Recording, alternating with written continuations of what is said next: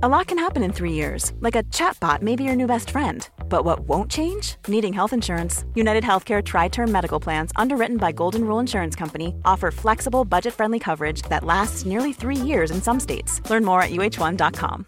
Hey, Dave. Yeah, Randy. Since we founded Bombus, we've always said our socks, underwear, and t shirts are super soft. Any new ideas? Maybe sublimely soft. Or disgustingly cozy? Wait, what? I got it. Bombus. Absurdly comfortable essentials for yourself And for those facing homelessness. because one purchased equals one donated. Wow, did we just write an ad?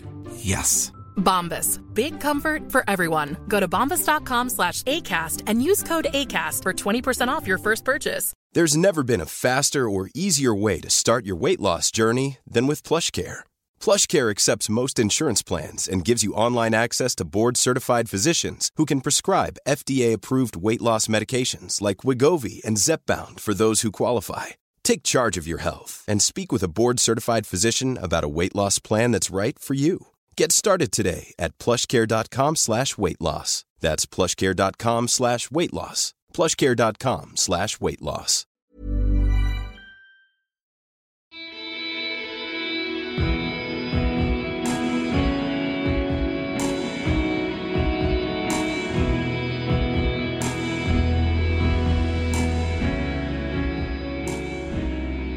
Hei og velkommen til Kaptare.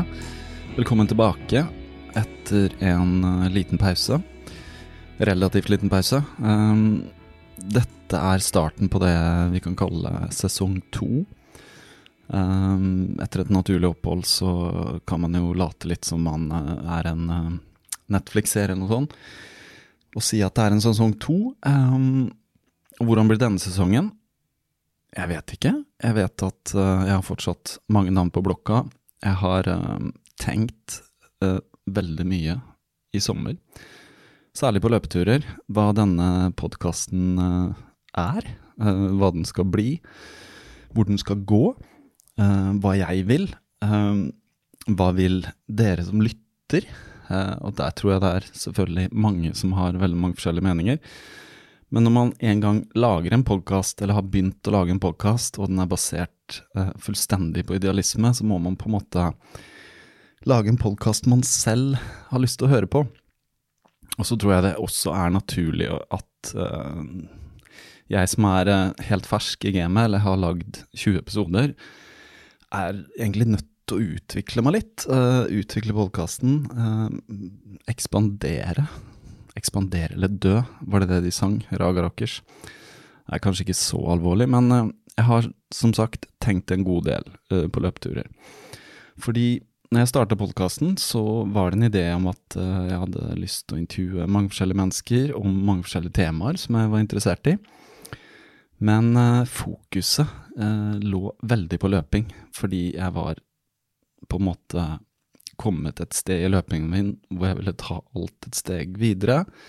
Og sesong én kan du kalle eh, egentlig for den sesongen hvor vi hadde et fokus på individet. Eh, jeg hadde veldig fokus på å løpe fortere, eh, hvordan jeg skulle trene, hvordan jeg skulle eh, legge opp eh, treningen for å få tid til å gjennomføre øktene, for å få tid til å hvile, for å få tid til eh, å gjøre alt ellers i livet. Med familie og to barn og jobb og alt dette som følger med, egentlig. Men så har jeg tenkt litt, eh, kanskje sesong to kan være et eh, forsøk på å se hele dette løpeprosjektet fra to sider. Altså at man er mer i dualiteten. Eh, og hva som ligger i det, er jo ikke godt å forklare sånn eh, på noen enkel måte, men jeg kan si det at hvis uh, det har vært veldig mye fokus på tider og trening og sånn, så har jeg lyst til mer nå å snakke om eh, det utvidede begrep uh, som gjelder løping, ting som kanskje handler om psykologien i det, uh, hva det gjør med oss som mennesker, hvordan vi spiser, og om det gir oss overskudd, eller om vi må gi det overskuddet vi har til løpingen. Hvis dere skjønner, jeg har i hvert fall hatt interesse av å egentlig filosofere litt rundt disse tingene. Så eh, det jeg kan si nå, er at eh, der vi står nå på tampen av uh, august, egentlig. På vei inn, eller vi er midt i sensommeren, på vei inn i en høst som kommer før eller siden. Så kommer jeg til å lage en podkast og ikke fokusere så mye på å få den ut hver eneste uke, hver mandag. Fordi, for å være helt ærlig, det har jeg ikke sjanse til. sånn som tingene er nå, så har jeg en jobb, uh, ny stilling som jeg begynte i, i april, som krever litt av meg, og den tiden jeg har til overs, er det mange prosjekter som skal gjennomføres. Um, og det merka jeg etter i, i, i, våres, at veldig mye fokus, veldig mye energi og tid gikk uh, rett inn i dette prosjektet, og det er jeg utrolig glad for, for jeg har lært veldig mye. Jeg har møtt veldig mye interessante mennesker. Eh, fått nye venner eh, som jeg har lyst til å snakke mer med jeg har sett litt inn i et miljø som jeg har lyst til å være en del av, osv. Så, videre. så uten at det skal være noe sånn eh, hvilesesong, så tror jeg egentlig at eh, jeg må si at når jeg har mulighet til å lage en ny podkastepisode, så kommer det en ny podkastepisode. Eh, og hvor ofte det skjer, kan jeg ikke si. Kanskje kan det være litt mer sporadisk, kanskje blir det ca. annenhver uke.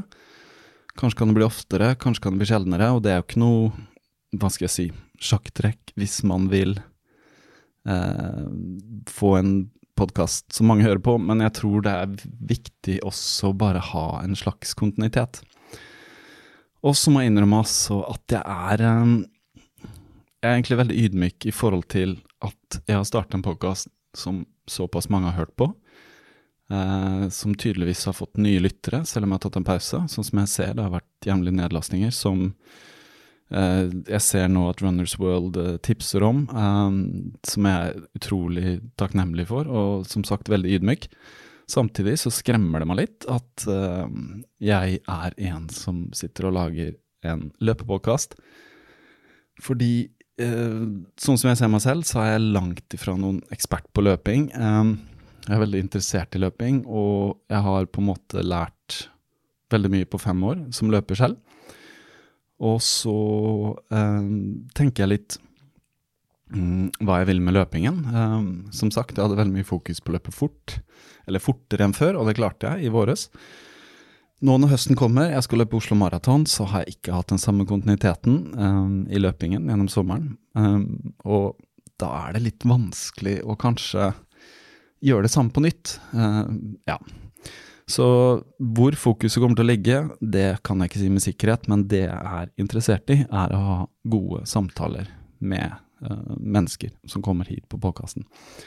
Om de er uh, dedikerte løpere eller driver med andre ting, det, det, er kanskje ikke det aller viktigste, men fokuset kommer til å ligge fortsatt på løping. Og uh, ja, så jeg har, jeg har, tenkt mange ting. Skulle jeg lagd en ny podkast? Skulle jeg utvide den her? Skulle jeg satt den på pause? Eller hva, hva, skal vi snakke om? Skal vi ha intervjuer? Skal vi ha samtaler? Skal det være filosofi rundt det? Skal vi snakke om psykologi? Eh, mer om ernæring? Skal det være en hel, helhetsfilosofi, en holistisk filosofi? Og der er kanskje der jeg lander. Uh, og sånn er det også i denne podkasten, at jeg snakker med uh, de som er her, om egentlig en haug med ting. Og jeg har alltid noen uh, spørsmål jeg har lyst til å stille dem, men ofte så går det litt i sin egen retning. Og vi tar noen avstikkere hit og dit, og uh, sånn tror jeg det må bli. Fordi det er sånn denne podkasten lever sitt liv. Uh, ja, ok. Men jeg sier nok om det nå, for at i dag er jeg veldig glad for å presentere to løpere. to brødre som også er musikere. Kristoffer eh, og Petter Unstad, som spiller i bandet Kråkesølv. Eh, jeg ble gjort oppmerksom på at eh, de var løpere av eh, to forskjellige, som skrev e-post til meg og tipset etter at vi hadde hatt litt fokus på løping og musikk, så takk til dere som skrev inn. Dere vet hvem dere er. og vi, jeg sendte en mail til Kroksøl, og de svarte, og det var allerede i vår. Så endelig nå så kom de i studio i forbindelse med en konsert de hadde i Oslo. Eh, og det var utrolig hyggelig å snakke med de to. Veldig to hyggelige uh, menn, kan man si. Um, et sted i livet hvor de er uh, litt, litt, forskjellige steder, men uh, veldig dedikerte løpere. Uh, Syns det er morsomt. Driver med musikk ved siden av. Så samtalen i dag handler om deres erfaring som løpere, litt om musikk, litt forskjellige digresjoner. Eh, så straks kommer Kristoffer og Petter. Etter episoden så har jeg et par ting jeg har lyst til å si også, som uh, er litt viktig for meg. Så uh, hold ut til til slutt. Jeg har uh, en Ja, hva skal jeg si Et, et budskap som jeg har lyst til å dele med dere. Så uten å vente noe lenger nå, her kommer Kristoffer og Petter. Ja, men Så bra. Da tror jeg vi er uh, klar til start. Alle har te i koppen. Ja, det har vi. Vi har, uh, vi har dadler, hvis noen vil smatte på de. Mhm. Kameraet går. Uh, gardinene er trukket for. Ja. Og her sitter jeg med Kristoffer og Petter. Yes. Hvis Hei. Et, hvis, hei, hei. Hei. Hvis etternavn er Unstad, Stemmer. korrekt? Ja. Men dere har Når jeg skulle finne telefonnummeret deres, så var det noen ganske lengre navn. Ja, vi har rett og slett fire navn begge to. Ja. Ja, vi har gått gjennom en del endringer på navnefronten, faktisk. Uh, har hete mye forskjellig. Jeg heter Olsen på et tidspunkt. Ja. Ja. Ja, vi begynte som Olsen. Ganske vanlig. Ja. Kristoffer Magnus Olsen heter jeg. Ja, Ganske og jeg heter lenge. Peter Valdemar Olsen. Det er veldig rart å, å se for seg nå. Og så gikk jo årene, og så ble foreldrene våre skilt, og så ble man gammel nok til at man følte at man kunne ta kontroll over sitt eget navn. Ja. Så da, da ville i hvert fall jeg ha med begge navnene. Jeg ville ha både pappa og mamma sitt navn. Så da ble det Nord, som også er et familienavn fra farssida, mm. og Unstad, som er Ja. fra mamma. da. Vi var jo innom, vi heter jo også bare Unstad en periode, Ja. faktisk. Tror jeg det er Olsen Unstad òg en periode. Ja. med, med sånn full søking i, i folkeregisteret. ja, det var full runde. Ja, ja. Skjemaet ble fylt, utfylt. Så det er gjevt. Det er jo litt sånn når du har Vi hadde jo egentlig to veldig interessante etternavn, både Nord og Unstad, som er ganske sjeldne eh, og sånn stedsbundne etternavn. Men så har vi valgt å gå for Olsen. Så det, vi Ja, ja. det syns jeg er veldig spesielt. Men nå har vi landa. Mm. Må må dobbeltsjekke han går på rack. Ja. Føler meg litt rusten eh, siden det er eh, det er minst minste par måneder siden du har spilt inn. Det er off-season. Hva sa? Det er off-season. Det er off-season. Nei, det er en ny season. Ja, det er sånn det. Dette, det er liksom dere som sparker i gang eh, sesong to da, av denne podkasten. Hadde en slags vårsesong, og nå er det jo høst. Altså det er ikke høst, men det, det er sensommeren. Uh, men vi har jo vært på maileren med Mhm. begge to, eh, litt sånn fram og tilbake siden Det er to stykk som skrev inn til meg uh, på e-post og tipsa om dere, da. Oh, ja. Så artig. Eh, ja, for i begynnelsen var det litt sånn um, Det ble litt sånn tema om musikere og løping. Mm. Uh, Jeg hadde jo Nicolas Jon fra Hjerteslag her. Sondre. Ja. Og så er det noen som har plukka opp dette, da. Så var det sånn Ja, sjekk ut de brødrene i, i uh, Kråksølv, Ja, og de løper og sånn. Og jeg må innrømme at jeg hadde ikke hørt Det er litt dårlig stil, da. Ikke har hørt så mye på Kråkesølv. Det hadde du For- ikke trengt å innrømme. Nei, jeg hadde ikke det. Jeg kunne bare latt som, men eh, jeg er veldig ærlig på denne podkasten, ja, ja, men, men det er greit. det er veldig sånn gledelig at jeg nå har på en måte oppdaga dere, for nå Ja. er det jo masse plater som jeg kan høre gjennom. Det er jo det. Så Ja. nå har jeg vært på løpetur og hørt på, på den første, um, som bare heter Nei, den heter Trå... trå, trå, trå, trå, trå, trå, Mm. Og den fant jeg ut at vi hadde faktisk på CD. Ja, Av en eller annen grunn så hadde min samboer fått den på CD av noen den gangen den kom ut i 2009 eller noe sånt. Ja. Ja. Så den lå liksom blant de tre CD-ene vi har. Det er bra at de For et kult seg inn. sammentreff. Ja, da har du sikkert den første utgaven. Vi drev og lagde mange forskjellige Veldig fint cover på den. Ja. Uh, Tegna cover av et tre. Ja. mm. Ja. Og så Men med sølvhjerte. Jeg husker ikke i farten, altså, men uh, Jeg må sjekke. Det er i ferd med å bli en collectors item, den ja, så gøy. Kanskje da særlig vinyl? Ga dere ut en vinyl òg, eller? Ja, den kom litt etterpå. Ja. Og nå har vi nettopp laga nytt opplag, for vi drar rundt nå og spiller hele plata. For det er ti år siden den kom. så- ja, ikke sant? Det er litt sånn uh, Det er blitt ganske vanlig, har jeg skjønt. Eller jeg har Ja. vært på noen sånne konserter selv hvor band spiller Ja, debutplater, eller den plata slo igjennom med, eller noe sånt. Ja vi har kasta oss på den bølgen, og det syns jeg er både interessant og artig å gjøre. Så, Ja. eh, Men er vi snart ferdig med det og kan begynne å se fram mot neste album. Det har vært litt spesielt. Det føles litt også som å liksom dvele ved fortida, men Mm. eh, Vi har på, samtidig, vi har ikke gjort så mye av det før, så det var greit å bare reindyrke det Ja. Jeg syns det er en kulere nostalgitripp enn sånn We Love the 90s-arrangementer. og Ja. Så, eh, så fremst artistene har et ok forhold til debutplata si, så ser jeg ikke noe i veien for at Og det har dere. Ja, Mhm. vil jeg si. Ja. Vi skylder si den jo alt, på en måte. Vi Ja, ja, ja. må bare være takknemlige for at den fikk oss. Men bare for å ta sånn, litt sånn bandhistorien først, da. Dere, det var debuten i 2009. Mm. Men da hadde dere spilt sammen en stund, eller? Da hadde vi holdt på siden høsten 2007. Mm. Så vi begynte jo ganske tidlig. Jeg tror sommeren 2008 hadde vi låtene klar til den plata, og så jobba vi et års tid med den. Med innspilling og miks. Ja, vi spilte vel inn mesteparten i jula 2008. Mm. Brukte romjula. Jeg tror andre juledag var vi i studio hele dagen. det var I, tida. i, i Bodø. Ja. Yes. Så var vi veldig produktive i starten, så vi kom jo med neste plate bare et år etterpå. Den var egentlig ferdigskrevet da første plata kom ut. Mm. Så vi hadde en ganske bra sånn, kontinuitet på ting der. Da vi hadde release-konsert før den første plata, så starta vi gigen med å spille fem helt nye låter. For at vi hadde skrevet så mye nytt og var så lei av det gamle da. Så det har endra seg litt, det forholdet vi har til gamle ting. i hvert fall.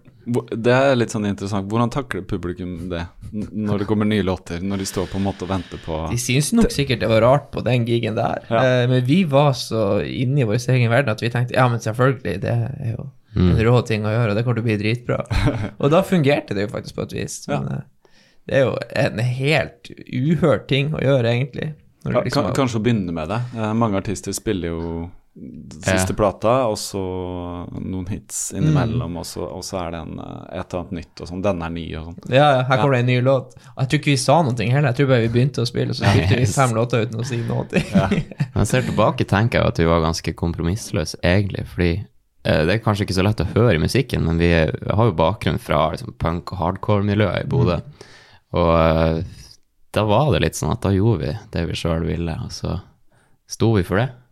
Vi har Ja. kanskje blitt litt mildere med årene, men eh, Ja, Vi går i hvert fall ikke sånn Vi gikk ikke så mange runder med Nei, faen, er det egentlig Er det en lur ting å gjøre? Vi hadde veldig sånn her Vi hadde mye mindre grad av beslutningsvegring da enn vi har nå. Er det med åra som kommer med liksom Jeg tror, Det komplekse. Jeg tror det, definitivt. Jeg tror det gjelder en del ting, da. At vi blir med erfaring så tenker man at man må ta hensyn til mer ting, eller man vet at ok, vi kan gjøre på denne måten eller denne måten. Ikke sant. Ja. Men det er nok bra sånn som når man starter sånn som dere, bare være kompromissløs, gjør sin greie. Men når jeg hører på sånn som f.eks. når jeg er ute og løp, så la jeg første skiva, Ja. og så andre skiva bare i en spilleliste, ikke sant. ja. Ja, for den første er jo så kort at du får Ja, nei, det seks kilometer maks. ja, ja, ja. Par og 30 minutter Ja. og sånn. Men det, jeg kan ikke si at det er en sånn kjempeendring fra hvor dere har Du hører litt på produksjon og litt sånne ting, men det er ikke noe sånn radikalt at dere har gått i en helt annen retning. nei. Dere har deres stil, altså. De to første der er skrevet nesten i samme Ja, det er periode, Nei, men jeg tenkte jeg hørte på den første og den siste. Den Å, den siste? Gea, ja. Ah, ja. Jo, jo, jo. Ja, men jeg jeg er enig i det. Man Ja. kan jo høre at det er oss. Og det, det er jo sånn som vi får høre. Slapp jo en ny singel i mai, og da er det litt sånn at vi tenkte nå har vi kjørt litt vel mye på her, det er litt vel svulstig kanskje. Men så sier folk ja, det høres ut som dere. ja. Så det har jo vært en sånn Og det er det at dere synger på norsk også. mm. Uh, nå er ikke noen av dere vokalist, det er en, en Jo, vi er ja, vi synger, er vokalist? ja, vi synger alle sammen. Ja, dere synger alle sammen? Ja. Jeg vet ikke hvorfor jeg innbilte meg at det var han uh, Han Fredrik, Ja. Fredrik William Olsen, han, eh, han har jo en solokarriere og er ja. en formidabel låtskriver og Mm. sanger og alt, så det er jo kanskje lett å tenke at han, at han synger mer i bandet òg. Jeg vet ikke. Men nå har jeg ikke sett dere live, så Det er ganske jevnt fordelt, egentlig. Mm. Ja. Mm, Cirka 30% hver. ja, det er kult. Mm. Det er litt annerledes. De fleste har liksom én vokalist. Det er Ja. mange som går for å få en sånn frontfigur-power, da. Ja. Eh, og vi kjører en sånn mer sånn felles front. Ja. Er Kjenner jeg er glad, glad som slipper det. ja. Ja, ja. Jeg hørte han, han Sondre Lerche på podkasten her snakka om da han var på turné etter Pleasure. Og liksom, Mm. Det krever ganske mye å være i front der og liksom Ja. skal gi så mye ja. På hver jævla låt. Uh, på en hel turné. Det Eh, gjør det, altså. Så det er deilig å kunne fordele litt. Jeg vet, vi er jo Det er ingen av oss som er spesielt eh, stødige vokalister by nature, så eh, for oss For meg bare tanken på å skulle ha gjort en gig og sunget tolv låter, eksempel, hadde faen ikke gått. Klarer en fire-fem låter, og så er man helt ferdig. Hva, hva er det som gjør at man blir uh, sliten av syngingen? Eller sånn Det er jo sikkert manglende grunntrening, det Ja. som er løping, på en Ja. måte. Så mm. Det er litt sånn Det å synge er jo ganske teknisk. Mm. Du har jo tatt litt sangtimer og sånt, Per, bare for å Mest for å forebygge og ta vare på. ja, for å prøve å reparere, egentlig. Og da får man jo litt innsikt i eh, og rundt det der at ja, det er ganske mange ting sånn fysiologisk som skal klaffe. Mm.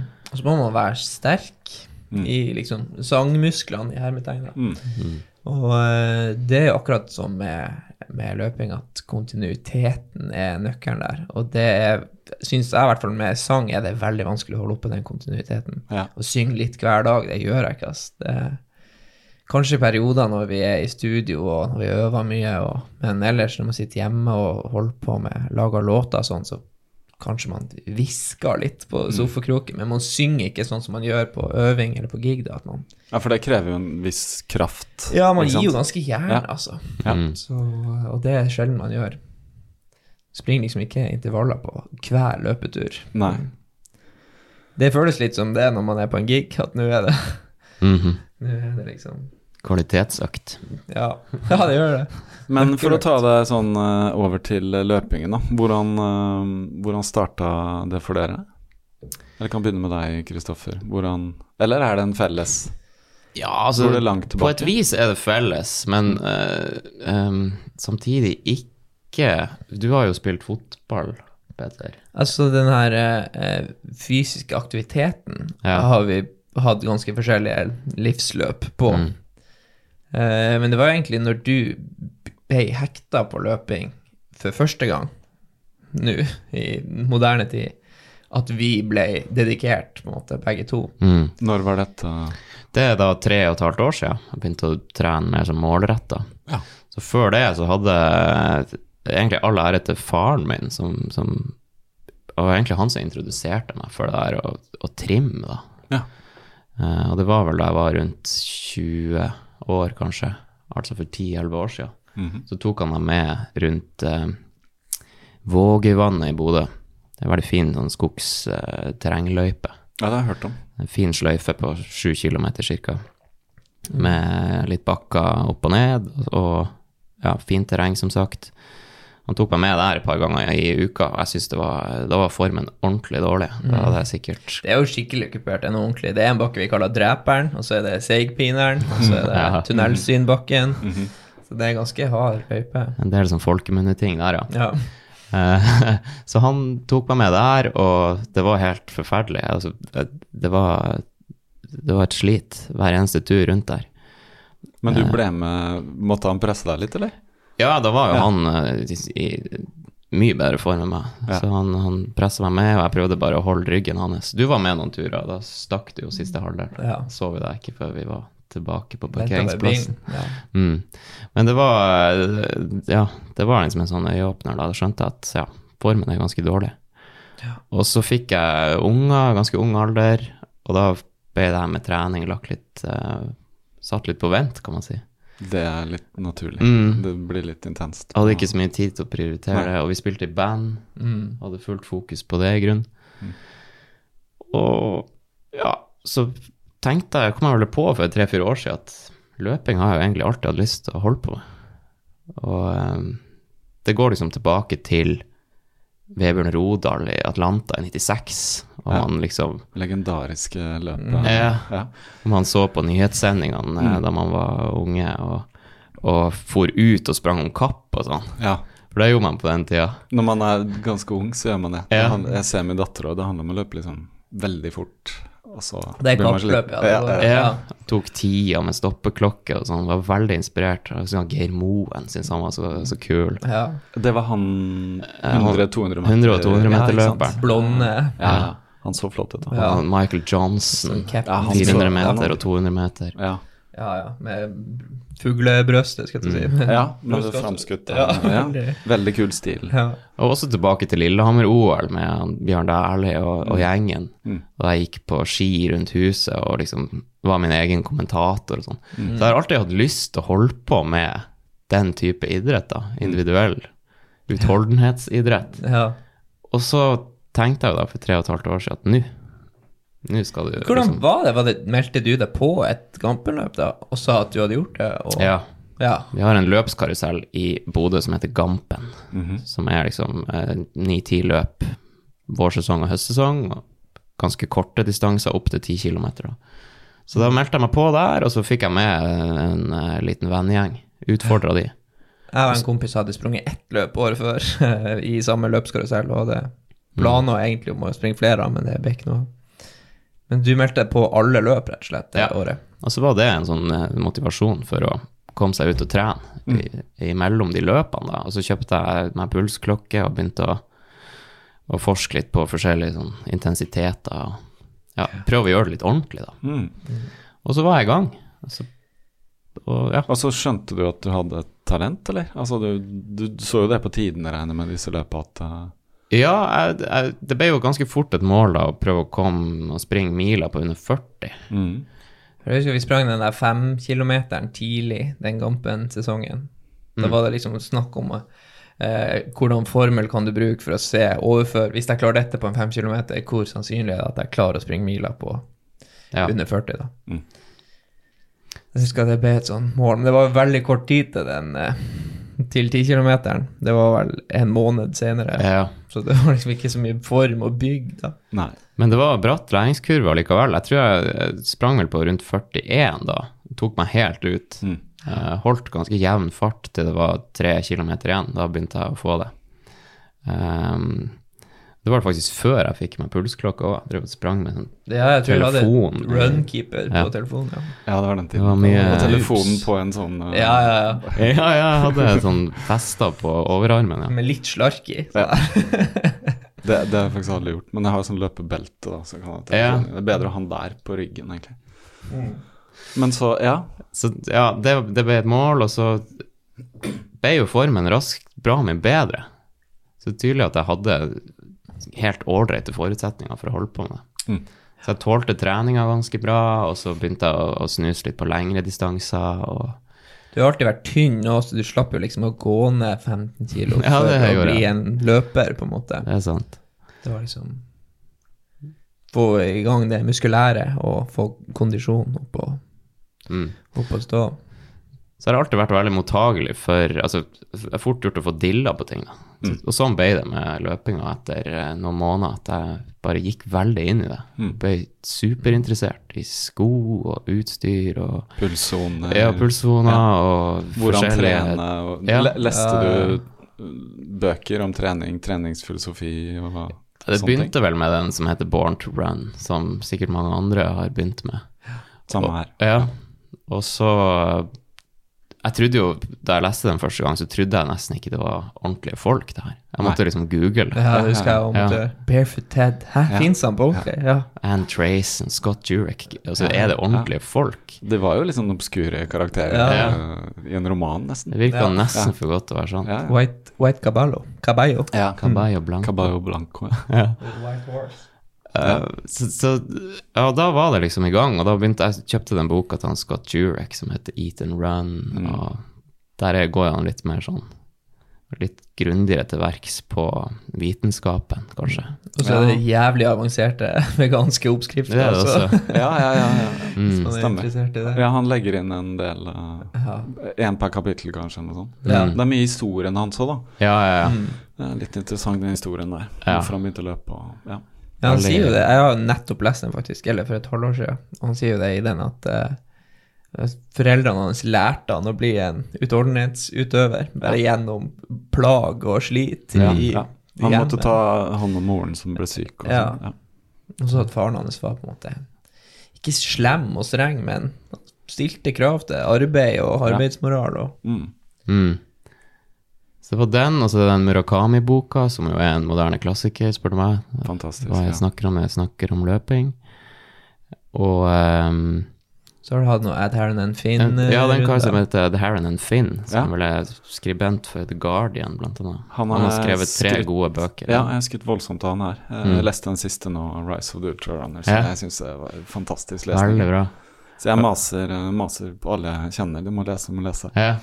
Likte Så- kanskje spesielt godt den om, om uh, The Way of the Runner, heter den. Om japansk løping. Ja, Den, uh, det syns jeg var veldig interessant. Kanskje der man vet minst egentlig om Ja. japansk kultur. Mm. Eh, de har sin helt egen kultur, men de er ikke den Ja, ja. Ja. Det er Mm. Så ja, du bare- fortalte det der med at japanerne trener på betong og for å liksom lære seg å tåle belastninga av harde asfalt og gateløp. Det er bare det råeste jeg har hørt. Mm. Liksom Motstykket liksom, er kenyanere som springer på gressletta i bærføttene. Ja, ja. ja, ja, du, skal, du skal sprenge på hardt underlag, så da må du øve på hardt underlag. ja. Mm. Tenk. ja, det er mye betong og asfalt de rundt på. Betong er jo det verste. Ja, fytti helvete. Jeg tror på sånn hardhetsgrad så er liksom betongen ti av ti, mens asfalt er syv av ti. Ja, faktisk. Det er ti det- av ti. Betong er ti av ti. Men også det der å lese at, at det er om lidelse, og det, det er liksom en sånn æressak i Japan. At Ja. Hvis du har det vondt, så er det liksom det er en Da er du en helt. Ja. ja. Ja. Men du fortalte òg at du hadde lest i den boka at Uh, japanerne antok at de hadde en fordel for at de var sterkere, hadde sterkere hamstrings pga. at de skotta når de spiser. At de ikke har den der vestlige stoltilnærminga. Ja, det er noe der òg, som vel han uh, greia ut om forfatteren. Skvatter gjennom flere generasjoner. De bruker kjernemuskulaturen mer, og, og, og musklene i anklene, og, altså i, i, i føttene. Ja. De er mer aktive. De tåler, Mm. tåler mer. Mer skvotting. Ja. Men når det er sagt, de japanerne, sånn som jeg husker fra den boka, så er det jo også tydelig at de trener ekstremt hardt uh, når de er unge. Ja. Så mange av de er jo på en måte liksom ferdig Ja. midt i 20-åra. Da Ja. er de liksom, da har de kjørt seg så hardt at uh, Ja. det er skader som de ikke blir kvitt. rett og slett. Ja. ja, ja. Så det virker som de, ja, de overdriver kanskje bitte litt. De er sånn- ja, samurai-tilnærminga. Ja. Mm. Ja, uhyre interessante bøker, i hvert fall. Så- Men da har du lest en del bøker som ikke sånn nødvendigvis er sånn veldig teknisk, da, som handler om sånn Jeg har lest alle de du refererer til, og så har jeg lest sånn Jeg husker ikke hva han heter nå, Fitzgerald et eller annet, 80-20 running og sånt, som jeg var litt Ja. opptatt av i våre, så jeg fulgte et program. Ja, nei, de jeg har lest er vel det hovedsakelig mer sånn, kan si, filosofisk, Ja. litt, men der man setter det i en større sammenheng. Ja. Det er ikke bare de kvalitetsøktene og altså, det er ikke sånne nøye beskrivelser av, av sånt, men ja, Med unntak av den Scott Forble-boka, da. ja, det er en, en, en ny oppdagelse, jeg vet ikke om du har lest den, det er en, en amerikansk maratonløper som heter Scott Fauble, som har skrevet en bok som heter Inside a Marathon, Mhm. som per def er ei treningsdagbok med hans tanker og treneren sine tanker. Ehm, veldig detaljert og grundig, men utrolig morsomt. Ja, For han er skriver, skriver så bra. Jeg skal finne en link til han og legge til i Ja, det må du ja, det må du anbefale. Det er dødsartig bok, altså. Mm. Jeg tror mange er ute etter gode bøker om løping. Ja, Ja, ja. Og det fins masse. Jevnt over. ja. Mm. Det er også veldig inspirerende å se han skriver om eh, Han er veldig bra på å ta det rolig på roligturer og sånne ting som han ofte snakker om når man er sånn semi... Mm. Mm. Semiproff-interessert i løping, men kanskje ikke alltid klarer å følge sjøl. Så godt å få det fra en dude som liksom har sprunget 2.07 på maraton, eller hva Ja. han har. ja, det er jo decent. Mm. Han har det raskeste Strava-maratonet ever recorded, det er ikke det det står? Yes. Mm. Ok. Men her er liksom bare toppen av isfjellet, da. Så i, i tre år har jeg jo bare vært veldig interessert, og på den tida har jeg sprunget maraton på 2.53, Mm. og 10 km på 33,58 nå i vår. Så jeg har begynt å få opp farta òg. Virkelig. Mm. Ja, det er rått. Og han er såpass uh, god på nerdinga at det er alltid sånn at hvis jeg er i tvil om noe, så kan jeg liksom spørre hva han tenker om skovalg, eller hvordan han gjør det for å få i seg nok næring på en ultra, eller hva, hva, hvordan skal vi løse det her? For han har den der teoretiske evnen til å ha den teoretiske tilnærminga, Mm. som er veldig forskningsbasert skills. Det er den der dille-greia Ja. igjen, da. Men det er nå min, eh, er min story. Ja. Du knakk jo endelig maratonkoden. Det tenker jeg også er litt sånn, for du har jo sprunget to maraton der det har skjært seg. Eh, Ja, jeg har sprunget her i Oslo to ganger, der det er Ja. bare sagt bom stopp. Bare først, hvor mange har du løpt? Uh, tre. tre. Ja. Fortell kjapt da om de to første, for det er alltid interessant å høre om Når det, når det skjer seg. Jeg er også den opplevelsen, at det skar seg, men jeg har bare løpt én, så Jeg hadde to eh, sprunget to maraton i Oslo. Først over to år siden. Og det var da mitt første maraton. Og eh, jeg kom vel inn i det løpet litt sånn småskada. hadde trent godt hele sommeren, men så Du husker du hadde noen skikkelig druserøkter? Sånn her eh, ja, litt sånn harde, med- harde langturer og sånne ting. med fartslek og fast, masse fast finish. Og, Mm. Det er tøft, det. Ja, men jeg, jeg hadde trent ganske bra på sommeren, og så kom eh, smellen på verst tenkelig tidspunkt, egentlig. Jeg fikk eh, noe sånn trøbbel med en fot bare noen uker før løpet. Um, og da er egentlig det meste av jobben er gjort, men jeg ble veldig sånn Jeg måtte slutte å trene i uke, fordi jeg klarte ikke å springe på foten. Og da eh, var det akkurat som kroppen bare skrudde litt av. Og, så jeg stilte til start ganske dvask, i grunnen. Dårlig dagsform, på en Ja. måte. Ja. Og så gikk eh, det- Den løypa i Oslo går jo to runder. Den gjorde i hvert fall det for to år siden, og i fjor, da. To runder. Du er opp på Sankthanshaugen og opp til Frognerparken. Og ja, det er ganske kupert. Ja, det er det. Jeg hadde bra drive første runden. Jeg eh, Langa ut der på runde to og følte meg fin. Så kom jeg ned til, til rådhuset, og da begynte det å, Mm. å, å Da er ikke så langt litt. igjen, da er det. Nei, jeg hadde passert Det var bare ca. en mil igjen der, tror jeg. Ja, ja. Jeg hadde passert 30 og følt meg grei, men så kom det bare den, den veggen som det jo skrives Ja. mye om, da. Den traff meg. Flathand mot bakhodet. Og da ble det bare en kamp om å, liksom, for å holde seg i bevegelse til slutt. Det var utrolig tarvelig. Jeg kom ned fra Sankthanshaugen og klarte rett og slett ikke å sprenge, måtte gå. Jeg kjenner meg igjen. Jeg hadde, jeg hadde akkurat samme erfaring fra Bergen, som er Ja. tøff Jeg har sprunget halvmaraton halvmaraton i Bergen Ja. i den løypa. og Jeg skjønner at det er tungt å Ja. springe maraton. Det Det er tungt. Ja. Halvmaraton er fin, fordi, Ja. men maraton er sånn ja. Fjellveien runde to der, ser jeg for meg. På toppen der begynte jeg å slite, så har du ti igjen. Og så skal du springe nedover med forferdelige Mm. Ja, bein. Ja. veldig langt. Så det, det var, men du kom deg i mål. Jeg kom i mål på alltid... altså, i brukbar tid og 3.15, men jeg hadde passert Ja. halv da på 1.27. Ja, så du lånte Du lå tre blanke, og så Mm. bare smelte det. Ja. Ja, så- Siste kilometeren på sju minutter. Ja, det ble liksom så sakte som man aldri ellers eh, Ja. springer. Men det er det, altså alt krutt er brent, da, eller alt Mm. sukker er tomt av vannstig, så Ja. er man ned på den derre det moduset hvor du bare Ja. Ja, ja, ja. Fikk sikkert forbrent veldig mye fett akkurat Ja i siste. Ja. Masse sånn ketose... Nei, det er kropp, kroppen som holder igjen. Ja, det er ketosis. Du er liksom bare i, på nødblusset, da, Ja. eh, rett og slett. Og var stokkstiv og ja. Og så um, fikk jeg jo en vanvittig respekt da, for distansen. Det er jo én ting som du nevnte, at jeg, jeg har litt sånn um, nerdegreia. Vært- Altså, man er god på å lese om ting, men det er noe helt annet å oppleve det. Ja. Og da, da skjønte jeg at ja, det her er Det er ikke noe tull.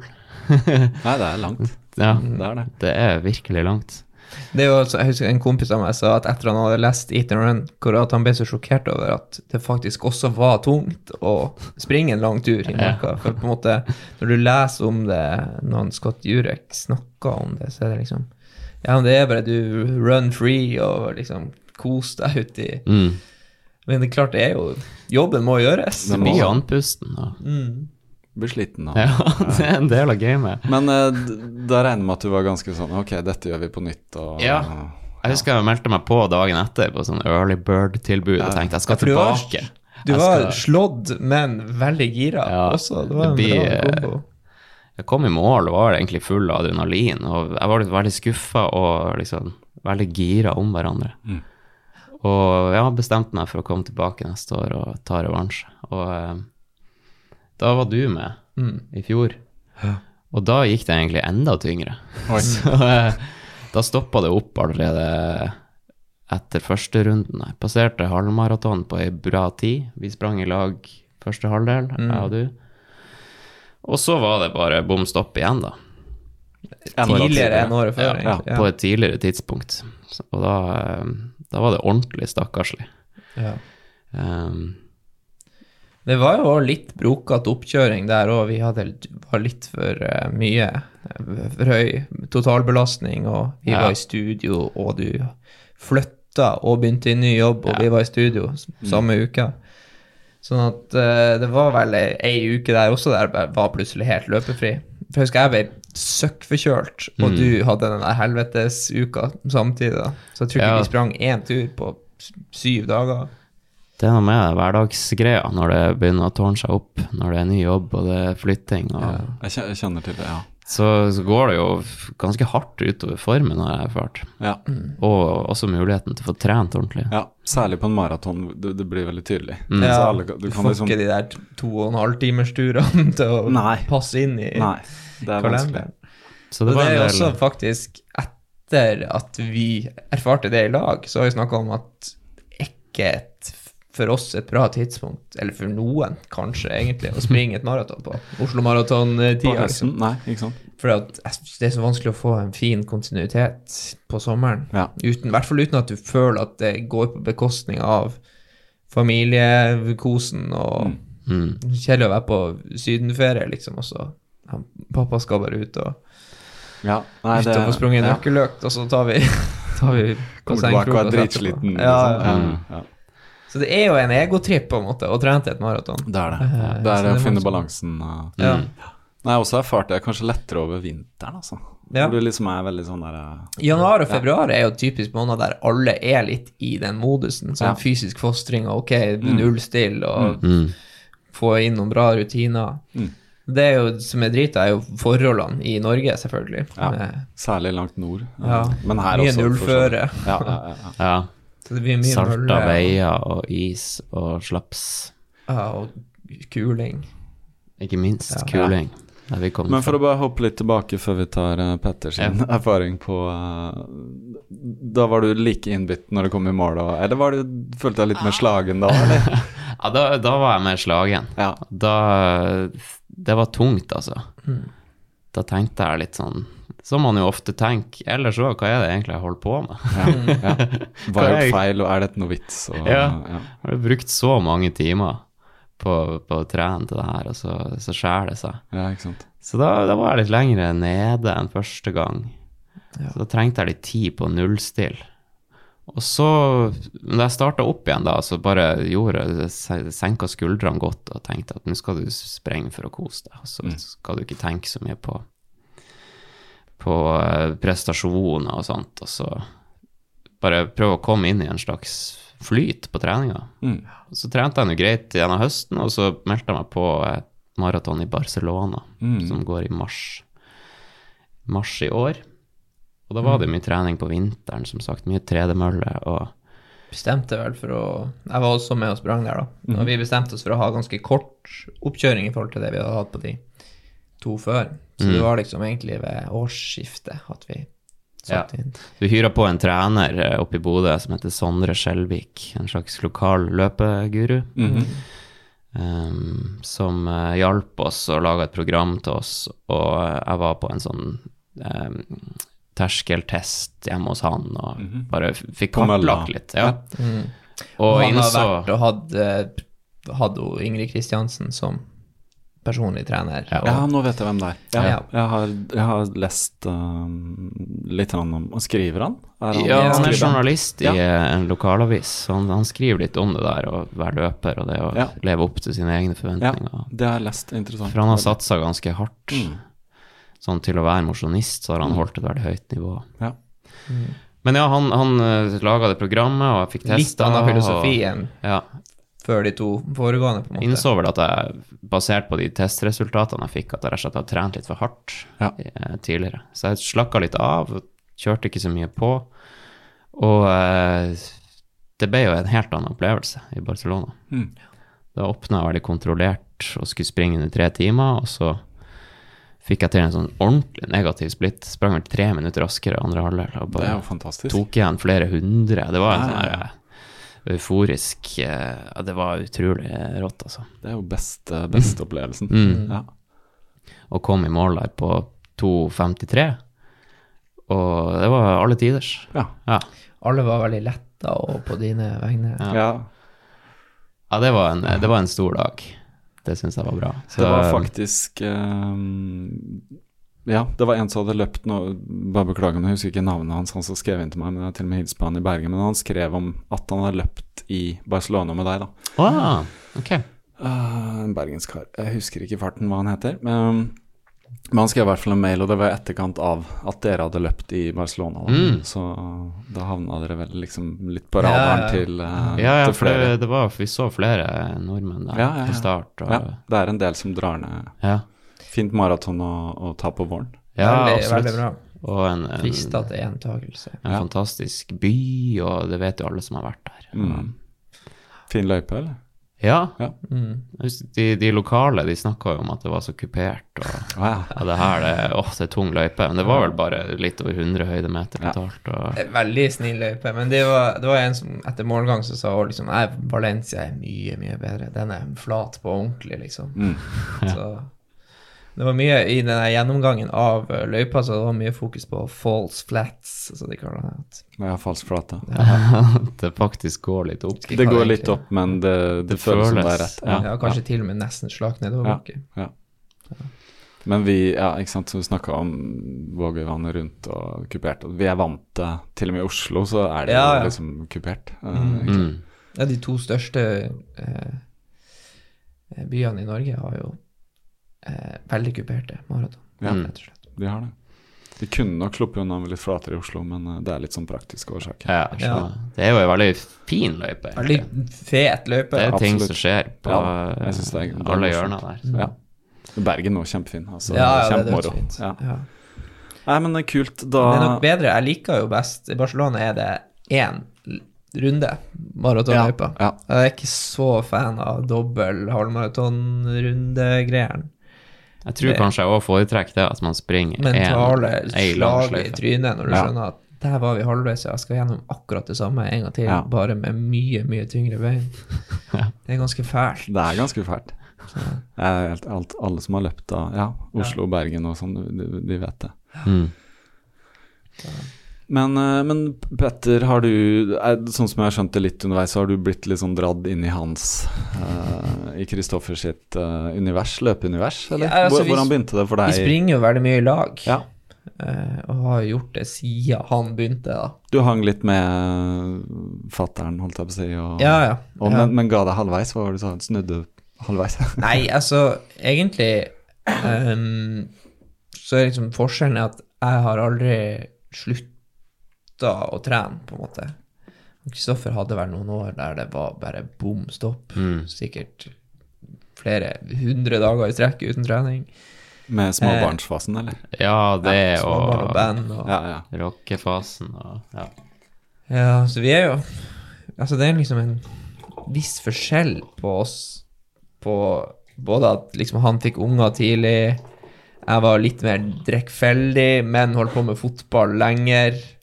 Eh, og uh, du har kanskje vært en litt mer introvert type, og jeg har vært litt mer ekstrovert. Det sier jo mye. Jeg tenk, kom på nå at de første turene rundt Vågvannet der, så visualiserte jeg han rollefiguren i TV-spillet Grand Theft Auto 4. Ja. Jeg tenkte, Det er jo så lett for han å springe rundt. Jeg driver jo og holder på med det hver dag. Ja, ja, ja. Han blir aldri sliten. ja Så det var faktisk Jeg visualiserte han han for å, for å komme meg rundt der.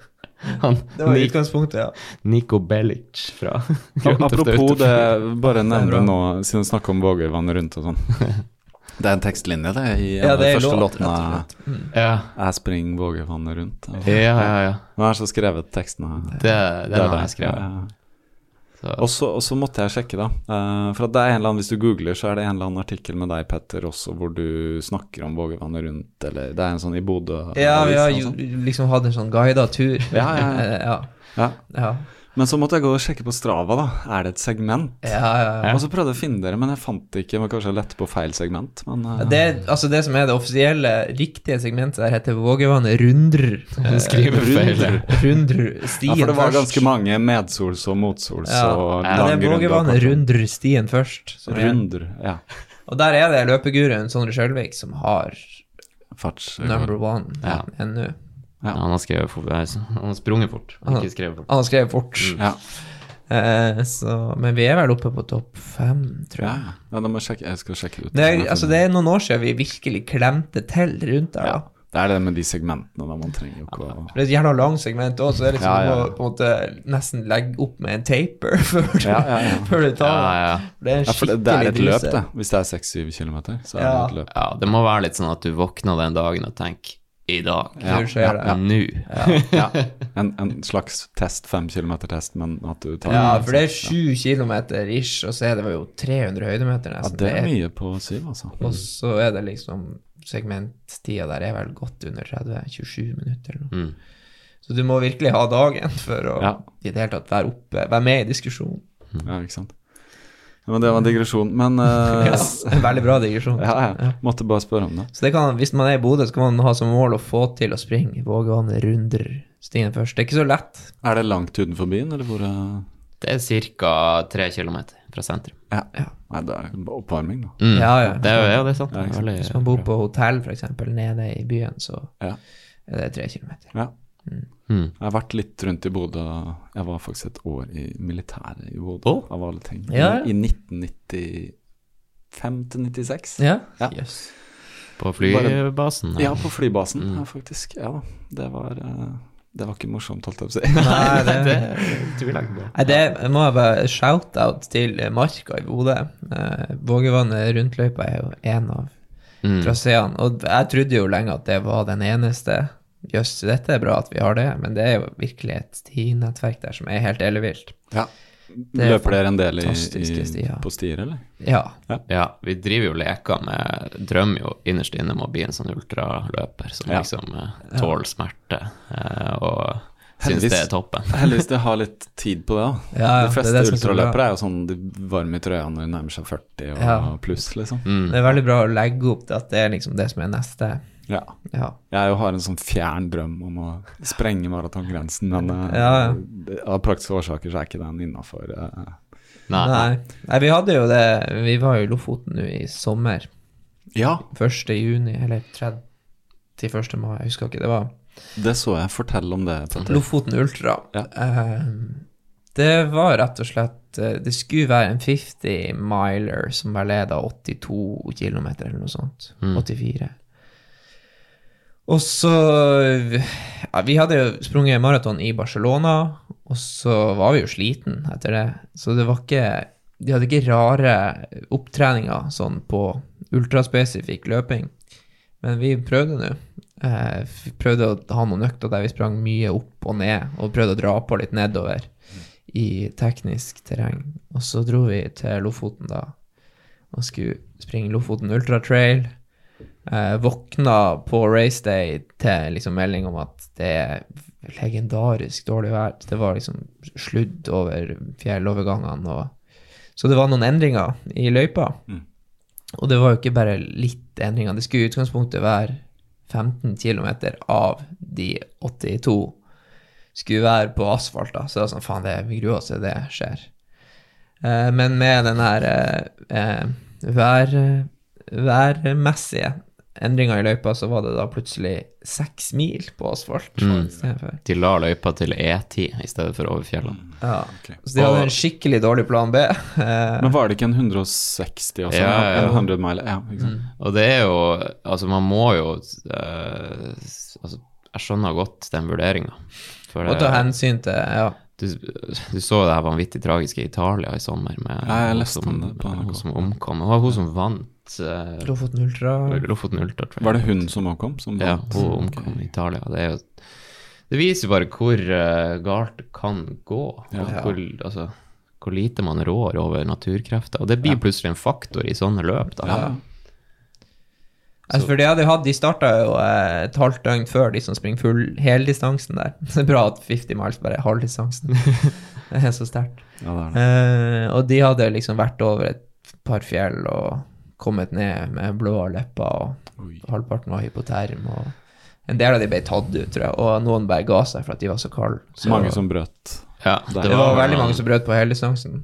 Alle de lokale. Det var sånn, jeg gidder faen ikke. Jeg tror de som hadde reist et stykke, kanskje var litt eh, Det var en dude fra American som ble nummer tre, eksempel. Han syntes det var topp. ja, ja, han var kjempefornøyd. Mm.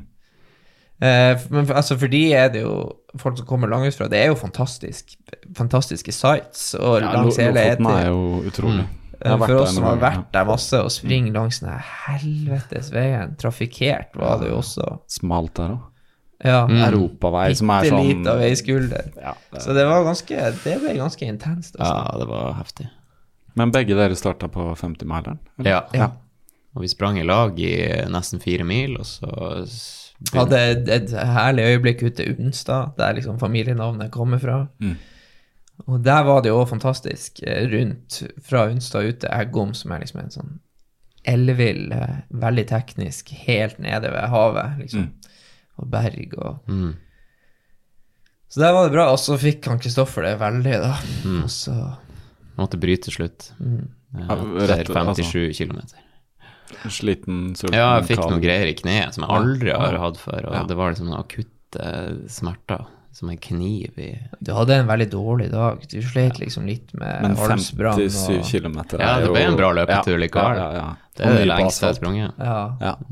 Med maraton i beina, hvor lenge før var det? Maraton var jo da to måneder før. Ja, ikke sant. Mm. ja, det var 10, 11. mars, og så var det her 31. To og en mai. måned. cirka. Mer en og en halv, vet ikke. Nei, to og en halv. Ja. Ja. Nei, men ja. Det føltes som at man liksom akkurat var restituert. restituert, og så prøvde man det var egentlig litt for tidlig, kjentes det som å begynne å liksom dra på med masse høydemeter og sånn. Mm. Så det var litt tett etter min smak. Jeg merker jeg har i hvert fall ganske lang restitusjonstid etter Det tror jeg henger sammen med at jeg har veldig talent for å få maks ut på dagen, da. Så jeg tror jeg er ganske bra på å tømme. Mm. Og da eh, Jeg er jo sliten lenge etterpå. Mm. Jeg husker etter Oslo og etter Barcelona at det er liksom en måned der alle sånn opptrappa og så små hverdagsting, og man føler seg bare helt sånn under underernært. Og, Ja, ja. Mm. Ja, det- Men det tar tid. Man, skal ikke, man skal ha respekt for det. Ja, jeg tror det er mange som kanskje brenner seg litt på det. At man, man blir jo veldig gira, og hvis man, kanskje spesielt hvis man har gjort det bra, egentlig. Ja. Hadde en god opplevelse på et løp, så er det sånn Ja, ja, men nå skal jeg ta vare på maratonformen og komme i gang igjen. Mm. I hvert fall om 14 dager. Da skal jeg være godt i gang med Mm. liksom, Ny trening. nye mål og Ja. Så det der er Det tenker jeg er en ting som veldig At mange undervurderer hvor mye tid man trenger på å komme seg. Ja, og det har igjen med den totalbelastningen, hva man ellers Ja, ja. gjør sånt. Så, Husk på liksom alle de man ser opp til, og ser på Mm. folk som ser på treningsopplegget til Sondre Nordstadmoen, og glemmer av at han ikke har en vanlig jobb og Ja, det familie i tillegg, Ja. liksom. Og når de ikke løper, så ligger de helst Ja, det- strak. Mm. Te. Ja, ikke sant. Og spiser og ja. Og blir massert. Og blir massert også. Så man må huske på det. Bruker dere noe, bare for å ta en massasje, noe rulle eller noe sånn foam roller, eller gjør dere noe sånn triks? Ja, jeg siste nå har vært litt skadeplaga i, i sommer, så jeg har eh, prøvd å, å, å gjøre, tvinge meg sjøl til å bli flinkere til å bruke sånn skumrulle. Mm. Så da har jeg noen minutter bare der jeg Ja. ruller ut leggene. Jeg har vært litt plaga der. Stive legger, eller Ja. leggmuskulaturen. Mm. Ja. Ja. Altså ringvirkninga av litt for stiv leggmuskulatur er jo en klassiker. Og så har vi vært eh, på yoga, jeg og du, faktisk. Ja. Og holdt litt på med det i vinter, og det var veldig bra. Så jeg har Det var noen, en del av oppladninga til Barcelona, egentlig. Mm. så jeg har noen enkle øvelser der som jeg pleier å gjøre. Det er en veldig bra sånn strekk og Ja. sånt, for at det mangler vi litt også som løpere, føler jeg. Vi strekker ikke Nei. Altså ikke nødvendigvis den der tøyinga, men liksom strekke i rygg og få litt sånn styrken i kjernemuskulaturen og Jeg har en veldig bra viktig. ting på gang nå der jeg liksom er er i planke i et minutt, Mm. og så går jeg tilbake i yogastillinga som heter hund. Hunden er fin. Kan, kan anbefale. Ja, ja, ja. ja. Da får man strekt ut hamstrings Ja. og, og sånt. Da, den klassiske downward facing dog. Ja. Ja. Eller omvendt V, som den heter på, på noen yogakurs. Den, ja, men den er fin, den. Mm. Um, om ikke de som hører på kan helt yoga, så kan dere bare google downward facing dog. Bare den der klassiske fra den, og så ned, og så strekke Ja. Ja. og så. Kobra over Kobraen i og- mm. Solhilsen og Nå lurer dere fælt, dere som hører på. Hva faen er det? Ja. Nei, men det akkurat den der er veldig sånn basic ting. Mm. Som egentlig henger, du merker det henger sammen med å strekke rygg, kjernemuskulatur, strekk på beina. Det er jo når man blir skada, er det for man har stivna. Altså, Ja, ja, det, Og, jeg kjenner det selv jo eldre jeg blir. Det blir, det blir mye stivhet, altså. Mm. Ja, det er jo Man er, blir nesten irritert på seg sjøl for at man ikke klarer å være flinkere til å ta vare på kroppen. For jeg merker jo, hvis jeg kjenner at jeg har litt trøbbel, det kan være nesten hvor som helst, det kan være nede i føttene, eller i leggene, eller i ryggen Hvis det er bare 14 dager der jeg sørger for å bruke 10 minutter, gjør to solhilsener Mm. etter en løpetur, Mm. så det blir rett og slett Det ordner seg av seg sjøl. Mm, det er bare å få liksom, blodgjennomstrømming og Ja. få gnudd litt på Det er klart å gå liksom Hive seg i dusjen og rett på bussen og dra på jobb og Jeg skjønner jo at folk har det travelt, men da, har du, da må du kutte, hvis du kutter to kilometer fra løpeturen, da, Mm. og så bruker du ti minutter på Og kanskje kutta fem minutter også fra liksom Strava-scrollinga rett etter. Ja. Og, og Det kan jo liksom bussen. skrive masse av Ja, ja. på Strava hvordan det var. Du kan sånn. vente til lunsj, på en måte. Det er, ja. føler jeg er blitt veldig mye bedre på. Liksom bare Ok, nå er løpeturen gjort. Så det går bra om runnet ligger litt på Strava Ja. uten beskrivelse. Eller ikke, trenger ikke engang legge det ut med en gang. Nei, fordi, og du trenger ikke lagre det på klokka, for det ligger jo på en måte der. Ja. For det at sånn som jeg har skjønt Strava er som Instagram, det er ikke det siste som er løpt som kommer først. Det er sånn Hva heter det? Altså, ja, sånn selektiv eh, det er helt sånn selektiv hvem Mm. du ser og sånn. Ja. Ja, rett og slett. Ja. Nei, men yoga er Det så han Scott Jurek skrev òg i Eat and Run. At, Ja. altså for at det er liksom Man skal være litt forsiktig med å strekke for mye, sånn og drive og gnur på Nå er jo ikke jeg noe lisensiert til å si det her på noe som helst vis, men man får jo en del erfaring etter hvert. Eh, og også det han eh, osteopaten og fysioterapeuten som jeg har brukt mye, sier, er at han er ikke så fan av statisk strekking, liksom at du driver og bryter på ting du allerede har belasta mye. Men at uh, det er jo alltid I yoga er det alltid bevegelse i de tøyingene du gjør, og så får du styrka kjernemuskulaturen. Det er dyna dynamisk tøying. Ja. Um, Og en ting er og, liksom og styrketrening, egentlig. Ja, en ting er å bli sterk i kjerna, men det kanskje det viktigste er at du får kontakt med kjerna. Ja. For jeg hadde, etter at jeg spilte fotball, så fikk jeg en sånn kronisk lyskeskade, så jeg måtte gjøre en operasjon. Eller jeg måtte jeg jo ikke, men det var anbefalt, da. Og da var det opptrening som på en måte gikk på å få kontakt med eh, muskelgruppene igjen, Ja, da, som på en måte automatisk ble bypassa. Ja. Og da slo det meg at det har jeg kanskje egentlig aldri hatt der nede, liksom rett over hoftekammen, og aldri egentlig hatt noe ordentlig bra, reell kontakt med kjernemuskulaturen. Nei. Hva, Og- gjør, hva gjør du, eller hva fikk du tips om? Eh, Da, var det, da hadde jeg liksom et, Opptreninga etter den operasjonen var veldig mye av det samme som jeg tror damer har som liksom har fått bekkenløsning under fødsel. Mm. Bare liksom eh, trekke inn navlen, da, som også brukes mye i, i yoga. Men jeg, uten at jeg er helt sikker på at alle vet hva det betyr. Men det er jo på en måte eh, å trekke inn navlen, rett og slett. Ja, ja, men det er den. Du, oppreist, da, da connecter du med kjernemuskulaturen. Ja, du trekker av, du kjenner Hvis liksom man står oppreist, så kan man finne eh, de her eh, eh, knokkelen ytterst på bekkenet på begge sidene, og så sette pekefingeren der. Og hvis man da trekker navlen rett, så skal liksom muskulaturen skyve ut fingrene. Da har man fått connection to the core. Ja. Så det er det å klare å puste samtidig som man gjør det. Mm. Når man springer fort spesielt, så må den være aktivert. Hvis ikke så Ja, så springer du på en måte bare med fra låret og ned, tenker jeg. Jeg føler at hvis man klarer å huske på at beinet går opp Ja. i ryggen Ja. Det stopper ikke i ræva, liksom. Nei, det er ikke nei, sånn. nei, nei, nei. Og så Vi, vi, vi, vi har en tendens kanskje som løpere til å tenke veldig på beina. Ja. Hvordan beina er, men Ja. altså det henger jo Jeg merker jo det.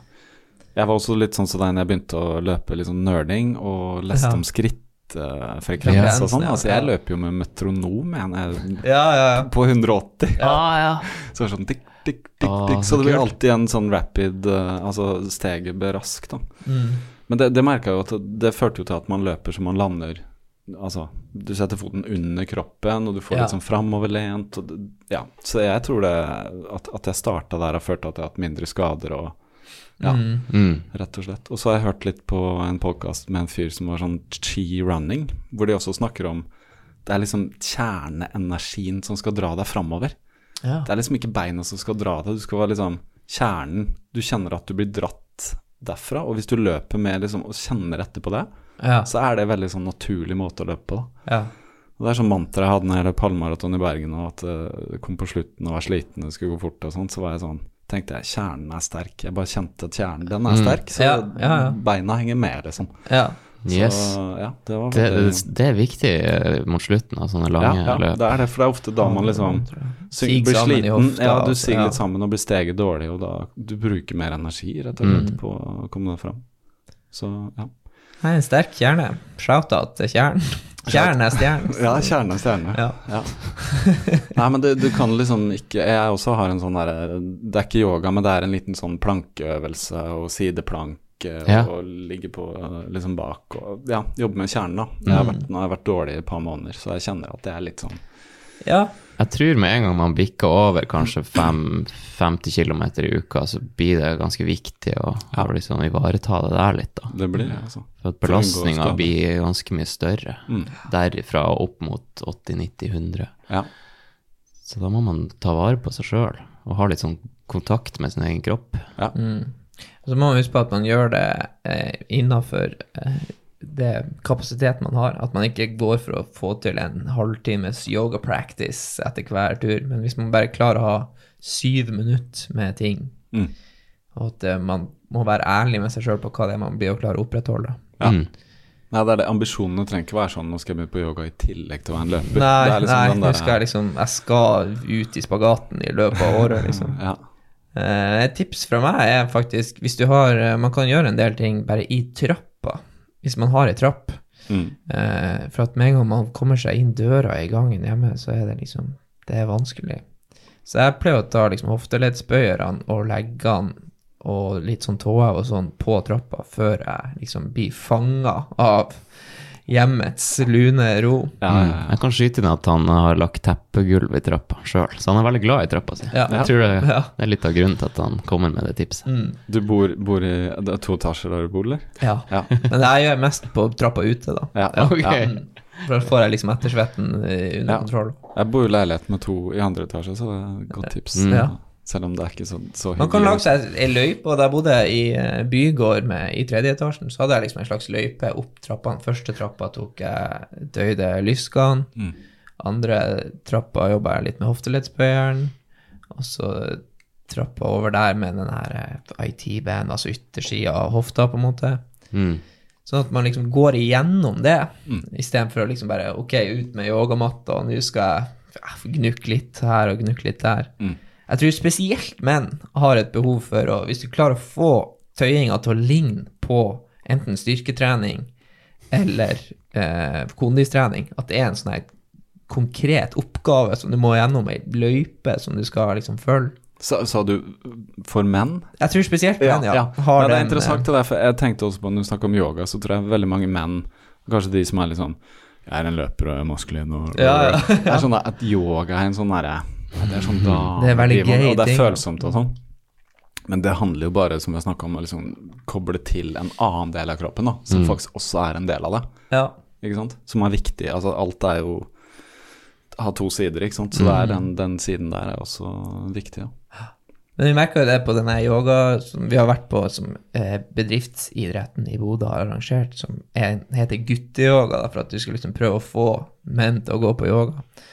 Og du merker at det blir jo litt sånn konkurransevib på noen ting. Og hun som har hatt timene, har vært veldig flink på å liksom si Husk nå på at det handler ikke om hvor langt ned du kommer deg i denne stillinga, eller stopp der du kjenner at det er riktig. Men folk bare gir bånn gass, da, på en måte. og På, på yoga, ja. Brekke seg ned Første kanskje- runden var det jo to-tre som fikk skikkelig ryggtrøbbel etter Ja, første time. ja? Ja, Skal være forsiktig der, altså.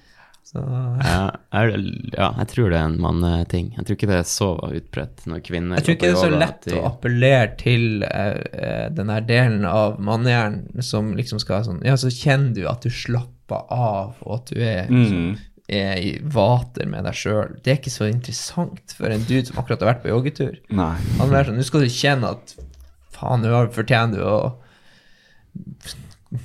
føle deg bra. Ja. Du har allerede gjort jobben, på en måte.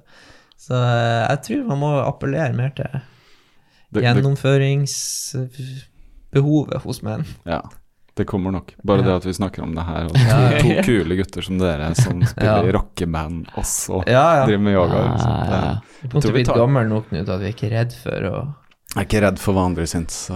være litt om det er- får være om det er litt femi. Å stå Ja. i downward facing dog. og Jeg gir meg nå faen. Det får være. Mm. Jeg så også med når jeg googla litt og titta litt, at uh, Nå husker jeg ikke hvem av dere som Men det var en liten, et oppgjør, men det er ganske langt tilbake. Det var litt sånn oppgjør med alkohol i musikkbransjen og sånt, som jeg tenkte jeg skulle Ja. spørre om. Som, Ja. som er interessant, for vi, vi snakker jo litt om alkohol her og sånn, for at alle som løper og trener, vet jo at det liksom Du Mm. blir ikke en bedre løper av Nei. å drikke øl, Ikke ikke det er litt B-vitaminer i øl og sånn. Mm. Ja, ja, Og at et glass vin er sunt og sånn, det er nå én ting, men liksom Ja, nei, det er eh, Det var interessant det der, for det virka som det uh, Ja, det var flere som liksom det det er vel noen år tilbake, dette, men Ja, det er en god stund siden. no, har dere sett noen endringer, kan jeg kanskje spørre om, på ti år? Liksom sånn i bransjen, eller er det litt Jeg tror ikke det er så mange endringer, altså. Jeg tror det endrer seg nok når man blir eldre sjøl. Så Mhm. de fleste får et mye mer bevisst forhold til det. Enten når de har vært i bransjen i noen år, eller når de liksom nærmer seg 30, tror jeg. Du skjønner at noen fester må du velge bort. Ja. Uh, jeg tror ikke bransjen har endra seg sånn veldig Den ble jo litt blåst ut av proporsjoner, den saken, for at det, liksom, det viste seg egentlig at eh, vi det ble solgt inn som at vi skulle gjøre et intervju der vi skulle snakke litt om tekstene på den plata Ja. eh, som vi var aktuelle med da. Og da var det ei låt som jeg hadde da, som handla litt om at man kanskje følte at man hadde drukket litt mye i det siste, på en måte. ja, For å si det sånn banalt. Eh, og den vi snakka jo litt om det, og så viste det seg da at den saken ble formulert som en sånn her Kroksøl tar et oppgjør med alkohol. ja. Jeg skjønte at det er en typisk tabloid. Ja, veldig tabloidisert. Også- Eh, men det var jo Jeg hadde jo et par år der jeg absolutt drakk for mye, og jeg var, ble jævlig sliten. Ja. Eh, og da Jeg husker jeg trente jo nesten ikke de årene, fordi Det henger liksom ikke sammen. da. Nei, Å en la på med masse. Ja, Ja. Så når vi da hadde det litt rolig etter den plata, så gjorde jeg liksom comeback på fotballbanen da. Skulle Har du spilt på høyt nivå, forresten? Eller har det vært sånn? vi hadde én sesong i tredjedivisjon. Ja. Det var jo høyt nok for, for mitt vedkommende. ja. Det er jo fast, du spiller jo hver uke og Ja, det er jo ganske mye mengde. Det var seks treninger i uka, og så Ja. kamp og og Jeg var jo absolutt ikke skikka til det etter to år på turné. Nei. Nei, Så det der var jeg ser jo nå etter ti år at altså, musikkbransje og alkohol det går jo hand i hand, egentlig. Mm. På, altså, jeg, jeg skal ikke si om det er rett eller galt, men man ser jo eh, festivaler i Bodø som snakker om overskudd, og da er jo det meste av overskudd kommer jo fra alkoholsalg til publikum. Det er en sånn greie eh, som Ja, det er en del av gamet, da. Og, Ja, om noe så tenker jeg at det kanskje selve konsertkulturen har blitt mer prega av alkohol. Sånn at det er fyllefester og ja, det er mer en musikkfester. møteplass enn Ja. at man går for å få en kulturopplevelse. Ja. Men det er jo fint òg. Jeg liker at folk møtes i, i dagens ja, det er det. samfunn. At man faktisk er litt ansikt til ansikt. Men det vi snakka litt om der, var jo eh, at eh, det kanskje var for tilgjengelig. Alkohol var for lett tilgjengelig hele tida. Ja, Ja. Det var vel kanskje det. Ja, Så at det er liksom Det er jo ikke vanlig i en annen jobb at ok, eller i en del jobber er det jo veldig sånn på seminarer og sånt, men Ja. det å være i rockebransjen er jo da som å være på seminar hvis du er på en turné Ja. fem dager i uka, liksom, Mm. Og det er nesten sånn at det er forventa at du skal At det er fest, på en måte, hver kveld. Ja. Men når vi snakker om alkohol og trening og alt sånt, så er det jo interessant å nevne at før det maratonet vi hadde i Barcelona, så bestemte både jeg og du oss for at nå skal vi kutte alkohol. Fra eh, nyttårsfeiringa til løpet, da. Bare for å se. Eh, blir vi bedre av det? Og vi ble jo definitivt bedre. Ja, ja, er du gæren. Og det er også etter å ha observert at uh, man er jo tross alt ganske på felgen når man følger et sånn treningsopplegg og liksom uh, stikker kilometer og har noen uker der man er 100 pluss. For oss er det jo egentlig det er veldig mye. Mm. Eh, og det er klart, du trenger ikke da minus eh, 15% i allmenntilstand for at du drakk syv øl på lørdag. Det er ikke noe lett å ha den der fast finish-langturen på søndag etter Nei, det er eh, etter en runde. runde. Ja. Så, og det er jo liksom For det jeg har merka de andre oppkjøringene, er at du knuser liksom bare restitusjonsoverskuddet som som du Mm. er nødt til å ha. Mm. Så jeg tror definitivt at hvis man eh, At det kan være en sånn periodeting. Jeg syns etter Barcelona var det, det er veldig deilig å slappe av, ta seg noen øl og, ikke, og tenke litt på andre ting, da. Og jeg føler at det er en sånn helhetsopplevelse, det å, å være i fysisk aktivitet og være Det er liksom ikke bare puritansk, du må ha litt sånn åndelig påfyll også. Ja, det er sant, ja. Så være, heng litt på pub og lese litt i bok og ta seg en øl og Ja, og snakke med mennesker, Ja. rett og slett. Som du sier, ansikt til ansikt. Ja. Eh, Topp det. For det er egentlig en sosial ting med drikking. Mm. Altså, er det sånn at man sitter hjemme og drikker alene, så er det, Ja, ja, alltid et fare, Ja. Mm. faretegn. Det kunne, vært, skulle gjerne vært vanligere å Sånn som de her Tarahumara-gjengen som drikker sånn maisøl.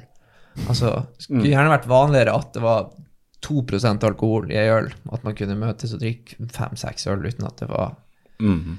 Ganske ondt dagen etterpå. Ja. Men vi, eh, i går kveld, etter vi hadde vært på øving, så Ja. for vi jo eh, ned på eh, den nye mathallen her og tok Mickey Mikke Mus-øl, som jeg kaller det. Mus-øl, ja. Drakk en alkoholfri. Og det altså, Jeg slår et slag for det òg. Det Ja, går an. Ja, ja. Ja. Og det, det funka. Og, Det går an å bare bytte ut ja, og fortsatt ha den sosiale biten av det. Mm. Ja. For hvis man er ærlig med seg sjøl og, og liksom prøver å sjekke hvor mye av det er det som er det at man blir berusa, og hvor mye av det er det som er at man trenger en sosial arena, Ja. Mm. så, så ser man jo at det går jo an å gjøre det. Bare Det gjør justere. det. Det gjør det.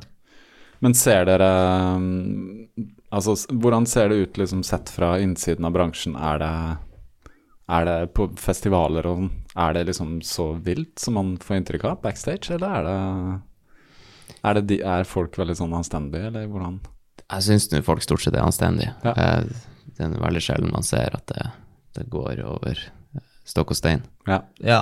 Men Man må huske på det at uh, det her er jo, hvis du ser på alkohol, drikkekulturen i Norge, det med helgefyll og at uh, altså de som er ute på festival og liksom har fått barnevakt den helga og ikke har drukket på et halvår, de har på en måte et så litt fucka forhold til alkohol som bare Mm. altså, Det er sveiseblindhet fra, Mm.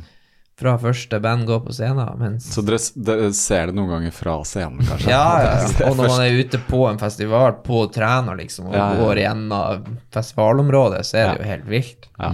Men uh, det er jo faktisk at eh, de som er i bransjen, har jo litt skills på ja. Eller en rutine på drikking. Det, det virker som det er ganske profesjonalisert også. At Mm. man liksom skjønner at man kan ikke holde på som det er. Altså når det er en del av jobben din å Ja. være artist, liksom. Ja. Kan ikke gjøre det hver kveld, i hvert fall. Nei, nei. Så eh, ja, det er jo litt sånn Ok, i kveld unner vi oss en fest. Sånn, sånne type samtaler har man jo av og til. Ja, ja. Sånn, Jeg har jo hørt om band og artister som kuler han på ukedagene. Mm. Altså de som er og spiller onsdag, torsdag. ja. Og da tar de det med ro, og så ja. sparer de pilser. Jeg har gått i klasse med en Sonny Justad, som turnerer hele landet nå i sommer. ja. Og nå de snakka om at nå ble de enige om at ok, når vi spiller onsdag, torsdag, fredag, lørdag, så må vi på en måte holde igjen ja. de første dagene. Mm. Jeg- så forresten nettopp en dokumentar eh, om Blur eh, fra Jeg tror den var fra 2009, hvor de liksom kom litt sånn tilbake sammen og sånn. Men den tar for seg liksom hele historien, da, og da viser det seg han Og der, de snakker mye om alkohol og sånn, for han eh, gitaristen som jeg ikke husker navnet på Uh, Graham. Graham Coxon. Graham Coxon, ja. Mm. Han ble uh, alkoholiker. De sier det vel ikke rett ut, men jeg tror han rett og slett måtte legges inn og bare tørrlegges, altså. Ja, ja. Men det, det, det kommer liksom fram at det er rett og slett At han ble alkoholiker, var det som brøt opp det bandet, eller at de måtte sparke han ut en stund, Ja. da, og du får komme Ja. tilbake når du har sorta ut tinga ja, dine. ja, Heldigvis gjorde han det, da, så de har jo liksom funnet tilbake og ja. turnert og Ja. spilt inn nye skiver og sånn. Det er veldig god dokumentar. eh, Jeg prøvde å finne på internett, fant den ikke. Lånte biblioteket på DVD. Oi, Fantastisk. Ja, ja. der er. Ja, bare bestilte den. Det, sånn. det må jeg sjekke ut. Fun Ja. fact, den første skiva jeg kjøpte for konfirmasjonspengene mine, var Think Tank av Blur. ja. Den som kom u første plata uten han Graham Coxon. Stemmer. Fantastisk album. Ja, helt fantastisk. Ja, men, det, det, fun fact er at det er det siste albumet jeg på en måte oppdaga av Blur. Altså nå, oh. for noen måneder siden, Ja. Så hadde jeg en revival på det, og så var det sånn Faen, jeg har aldri hørt på det. Det, det liksom gikk jeg glipp av, og så er det bare utrolig kult. På Spotify ligger det en, en dobbeltversjon Ja. med mye mikser og sånn på, Ja. på CD2, eller hva jeg skal si. Masse kule mikser. Altså, det er Det Ja, med så er så flink med mikser og lager versjoner av ting og sånn. Ja. Det er vel han eh, William Orbit er med der. Ja, han, ja. ja. For det, det var der jeg oppdaga Bare snakke litt om musikk, eh, kjære Mhm. lyttere. Vi er litt nerdete på det. Men eh, eh, når de ga ut den uh, 13 i 99, Mm. det var da jeg oppdaga Blur og ble fan, liksom. Ja, det er utrolig bra plate. Ja, utrolig bra. For jeg husker Altså, jeg var ung på 90-tallet og hadde MTV og sånn. Husker liksom Girls and Boys og Ja. de sto og hoppa og liksom Det var kult og sånn, men da var jeg mer sånn inne i Metallica og ACDC Ja, ja. og det skulle være Ja. de tinga der. Så Blur var liksom ikke innafor i kompisgjengen å høre på. Jeg hørte vel på Depeche Mode, som var liksom Jeg hadde hatt med meg fra før, men men så gikk det mange år uten å ha hørt det, så husker jeg så, tror jeg jeg så den musikkvideoen til Tender, eller jeg bare så den Mm. hørte en låt, og så var jeg bare sånn Wow, hva er dette, liksom? Altså, er, er det et sånt band? Og så hørte jeg på en plate, og så er den bare helt amazing. Ja. ikke det en live-video til den der? Jo, den musikkvideoen er jo live. Han, Ja, der Graham står det jo- Coxon uh, mista vel eh, Han klarer ikke å holde seg alvorlig der. Nei, når ja. gospelkoret kommer inn. Ja, ja, ja. Ja, Ja, det gir så jævlig gjerne opp på de svarkoringene. Det er dødsbra. ja det er veldig bra. Oh, my baby. Snakke litt om den låta, at det var den tekstlinjen han skrev også, han har fått barn og sånt, så det er liksom til Ja. sitt barn, da. Så ja. Og Think Tank, tilbake til den. Den låta heter Ambulance. Ja. Den første Ambulance, første første skiva. Den er 180 slag. Du skal Ah. eh, få opp stegfrekvensen. Ja, Hør på, Hør på den. Ja, hør på ambulansen du løper. Veldig Og- fin uh, Det er et uh, Altså, det er rytme Altså, det er et sample eller et Ja. tur, tur, tur, ikke? On the Way to the Club tror jeg òg er 180. Ja. Den var på Jeg hadde i spilleliste en stund. Veldig kul plate. Du hadde òg også du 180-spilleliste, ja. Ja, ja, ja. Klassisk. Blur, bra, bra løpeband. Det er veldig bra løpeband. Det er det. Jeg syns den siste vi ga ut, og den ehm, Magic Whip, Mm. er jo også Den har jeg ikke fått hørt på. Det er gled. Mm. De dro til Jeg tror de turnerte i Asia, Japan. Mm. Så bare møtte Altså det, imellom konsertene så bare jamma de fram hele den skiva. Ja. Vidt I neste ukas album. Vi har sånn albumgruppe Ja. der vi har ukas Ja, ja. plate. Plateklubb på internett. Da kan det bli Da Men- kan det bli. Vi, vi skal snart lande, for dere skal av gårde, og vi skal få tatt noen bilder og sånn, men litt sånn hva skjer framover på løpesiden? Nei, nå Altså, vi er jo for første gang på lenge ikke liksom på vei mot et Vi gjør jo nesten alltid lag nå, sånn på løpefronten. Yes. Nå har vi liksom sprunget Ja, siden Oslo i fjor høst, eh, så sprang vi Barcelona i, i våres, og så sprang vi Lofoten Ultra i sommer. Ja. Og så skulle vi egentlig uh, 1. desember springe Valencia maraton Ja. etter planen. Uh, men uh, jeg skal få en kid i oktober. Oh, Så det setter jo preg på løpet høsten. Er det din første? Det blir første kid, ja. Mens du, Kristoffer, har Jeg har to. Du har Jeg har en på ni og en på sju. jo, Mm. god Ja, erfaring. Skal endelig Cirka bli der onkel. Er. Gleder meg. Ja, det blir Du blir onkel, ja. Mm. Du har erfaring som onkel, så dette Ja, bra. veldig mye erfaring som onkel. Ja, ja. Og storebror. Vi har liksom fire små søsken som Aha. kom i rekkeorden. Ja, ja, ja. Så eh, nå er det skal jeg sjøl i ilden, da. Ja. Så det, eh, da tenkte jeg "Eff, det der maratonet i Valencia, det blir ikke noe. For når er terminen? 10. oktober. Ja, ok. Ja, nei, det blir Så- hjemme tåkeheimen noen måneder, det. Ja, regna nesten med det. Ja. Så du, vi har en gig da liksom dagen før som gjør at det blir veldig knotete å komme. Ja, så den du dukka opp etter at vi meldte oss på. Så sånn er, sånn er det å være Ja. musiker eh, innimellom. Mm. Dukker opp konserter som går utover Ja, løpinga. vanskelig å si nei til. Ja. Ja, Ja, det føles litt sånn Nei, jeg skal egentlig være, bruke masse penger på å springe et løp, da. ja. Reise til et annet land. Ja. Det er litt vanskelig. Ja. Vanskelig å eh, eh, Så da er det ikke noe konkret. forsvare. Nei, utover Nei. høsten er det veldig lite. Vi skal prøve å Det er jo den her løpskarusellen i Bodø, Ja. da. Så der kommer vi til å være med. Altså en stafett på et tidspunkt. Ja. Sånn. -hmm. Så det blir litt sånn ymse lokale ting. Ja. Er Burde kanskje fått sprunget en 3000 meter. Burde kravla oss nærmere ni blank. Ni blank, ja. Oi, oi, oi. Ja, det blir jo ikke ni blank, men Det er dine ord. Ja, ja. Er un altså på nitallet. Ja, jeg tror Du har kanskje ikke vært under ti på 3000. På en offisiell 3000? Nei, Nei. jeg har ikke det. Men Hva er en offisiell? Der må du ha titagersystem. Ekte Ja, du må ha det som stille til start, tenker jeg, på en distanse som er målt Ja. til 3000. Ja. Har sprunget under 10 på et lengre løp. ja, det er sant. Mm. Ja, sånn, ja. På Gampenløpene på fire og fem kilometer. Ja. Mm. Men 3000 er veldig sånn baneløp. Det er jo Ja, grunnen Vi det. sprang jo i fjor høst med 3000 på bane. Da var du i ræva form. Så det var ikke så Ja, rett etter- Veldig kort, syns jeg. Veldig kort. Ja, det er jo den åpningsfarten òg. Ja, ja, ja. Så ja, jeg sprang vel på 9,27, tror jeg. Så kom jeg under 9,5. Ja, veldig bra. Men jeg føler må under 9,15, egentlig. Men da må det gutses 100% Så det får være et slags minimål til høsten. Ja. Ellers Så kanskje det blir et Vi snakka litt om å springe et ultraløp i februar på Gran Canaria. Ja. For der har de et sånn Trans Gran Canaria. ja, det har de. Det er veldig på idéstadiet, på skissebenken. Men eh, altså, jeg og dama har jo permisjon, da, så vi tenkte kanskje vi skal ta en måned på Granka. Kickoff med ultraløp, og så bare Gjør det når, når du har små permisjoner og sånn. det- Min erfaring er at det er lett å reise med veldig små barn. For de, er liksom, de sover overalt. Og det er liksom, Dette er bedre enn liksom sånn toårings... Uh, Når de blir større, så Ja. ja. Når de begynner å løpe rundt og sånn, så er det jo litt mer krevende òg. Ja, ja. Og de begynner å stille spørsmålstegn ved hvorfor er vi her, Ja, ja, og ja, hva skal vi nå, lengter vi framme og sånn. ja. Hva er, Så, Men du da utover høsten, siden det er en ny sesong, du kan jo fortelle om det. Ja, vet du hva, det, det skal jeg spare til Ah. in introen av denne podkasten. Ja. for det sånn jeg har gjort, er liksom Nå er jeg intervju med dere, men så setter jeg meg ned Antagelig kommer dette til uka, på mandag eller noe sånt. Å, Og så pleier jeg å sette meg ned og bare ta en liten sånn ja, du har en intro først. En liten intro først, eh, hvor jeg forteller litt om meg selv. Og noen syns det er moro, og noen syns det er bare helt unødvendig. Men det, Get to the point. ja, ja, ja.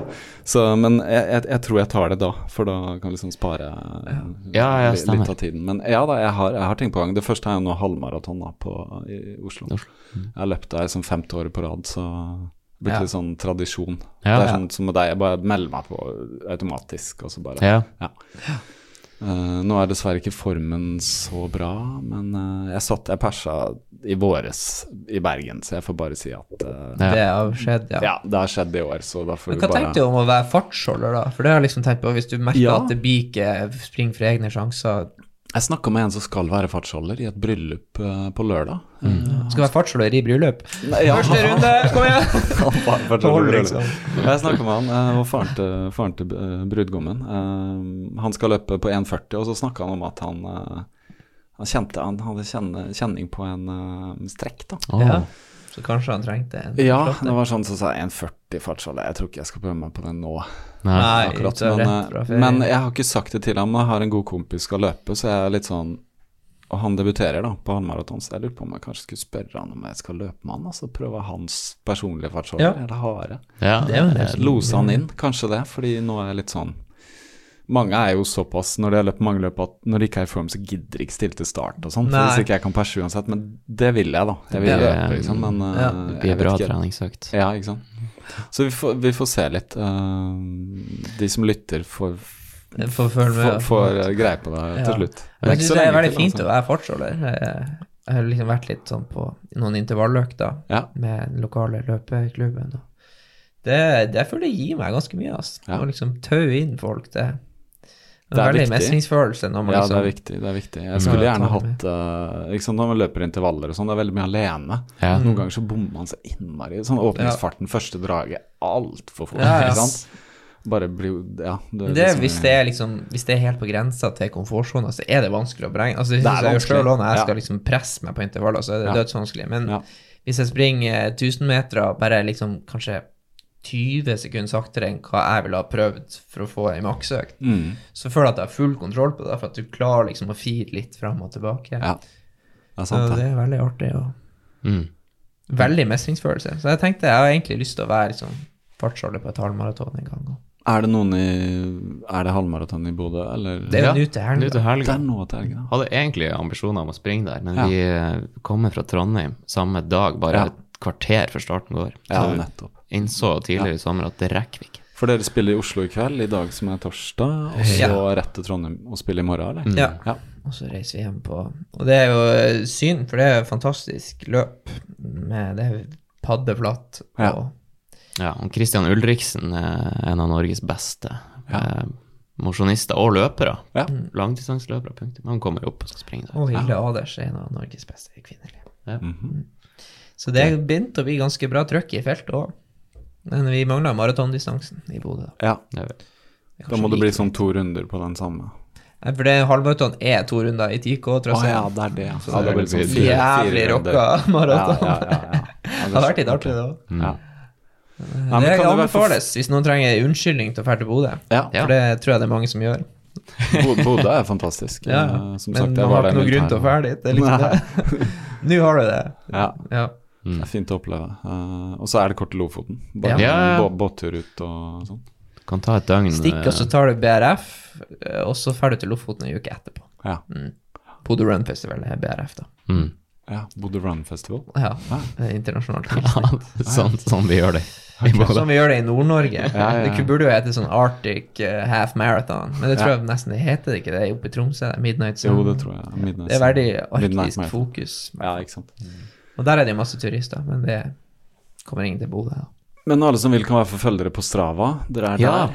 Der er Ah. profilen åpen og fin. Åpen Ja. og fin. Tar imot alle nye følgere. Å ja. Mm. Eh, så da kan vi se litt hva dere driver med. Og så er det jo sånn med løping at det er i det lange løp det handler om. Så Ja, ja. om det ikke er et løp til høsten, så er det alltid et løp. Ja, ja, ja. Og ting forandrer seg, og barn kommer og blir eldre og ja. ja. Men nå har jeg liksom holdt på i tre år og vet at vi er bidd løpere før det. Ja, ja, ja. Det er liksom ikke en fling. Nei.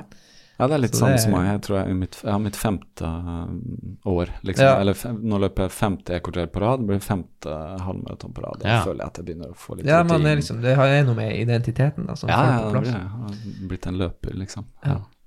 Det er rått, og det anbefales. Hvis det, det er kanskje bare løpere som hører på den podkasten. Det er ingen som er liksom på vippen og lurer på faen, skal jeg ta steget og bli en løper. Ja, det er, det er blitt litt sånn. Jeg så skulle gjerne lokka inn noen sånne som er litt sånn Som hører på musikk og bare Ja.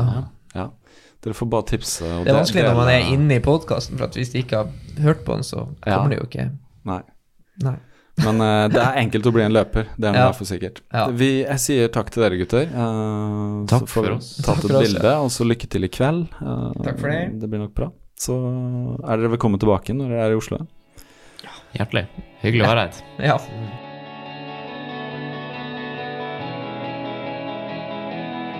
Det var Kristoffer og Petter Unstad fra Kråkesølv.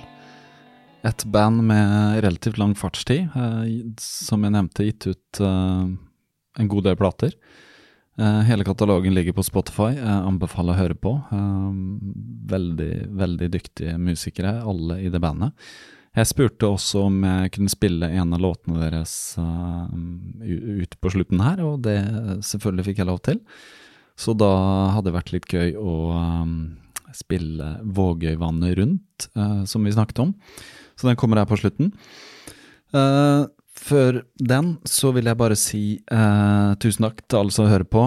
Uh, alle som nå har kommet inn og støttet podkasten på Patrion. Eh, tusen takk. Jeg har allerede nå, før sommeren, levert min første surdeigstarter til eh, Rasmus, eh, var det vel han het. Håper den lever og, og gjør det bra. Jeg har lagt ut noen videoer av det og tenker å lage litt ting.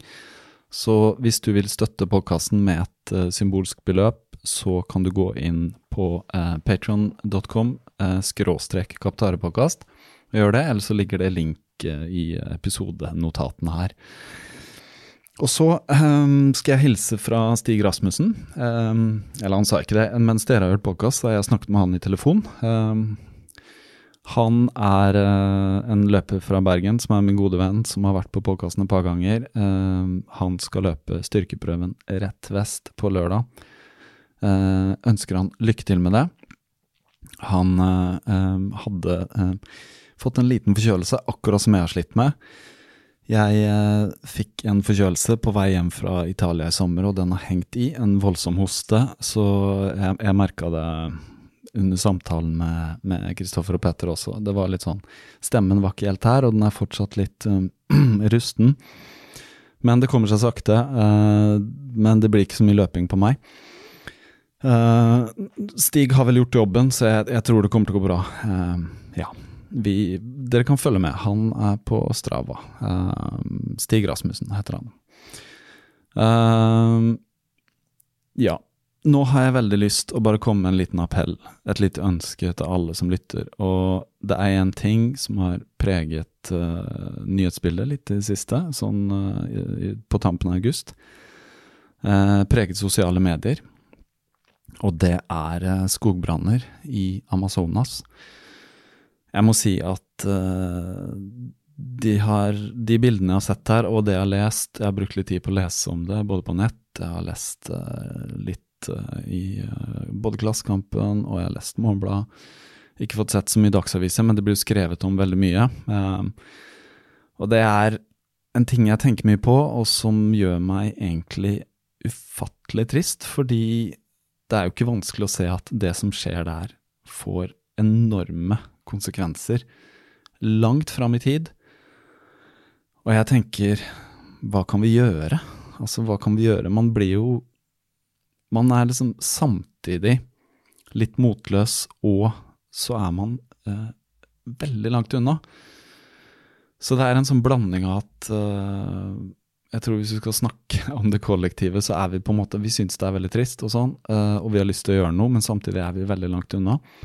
Men det er én ting vi alle kan gjøre, som er på en måte elefanten i rommet i den samtalen, og det er at eh, en av grunnene, eller hovedgrunnen, til at eh, Amazonas blir kuttet ned, er for å dyrke mat, selvfølgelig, og for å eh, gresse kuer, eh, så vi mennesker kan spise kjøtt. Og det som dyrkes i Amazonas, er soya. Og den soyaen som dyrkes i Amazonas, den går til dyrefôr.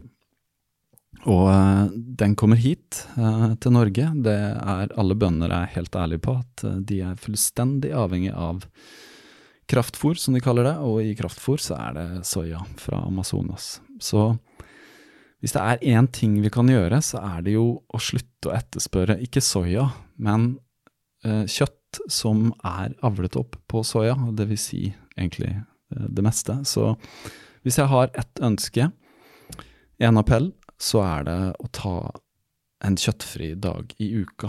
Bare begynne der, rett og slett. Og uh, hvis vi alle kutter ned på kjøttforbruket, så blir etterspørselen etter soya mindre, og forhåpentligvis kan det stoppe eller bremse. Men jeg må innrømme at akkurat nå så ser det veldig stygt ut, fordi de som styrer nå, eller han som styrer nå i Brasil, Bolsonaro, han er ikke interessert i miljø. Han er interessert i profitt, og det er det veldig mange som er. Og ja, hva skal jeg si, det er det kapitalistiske system.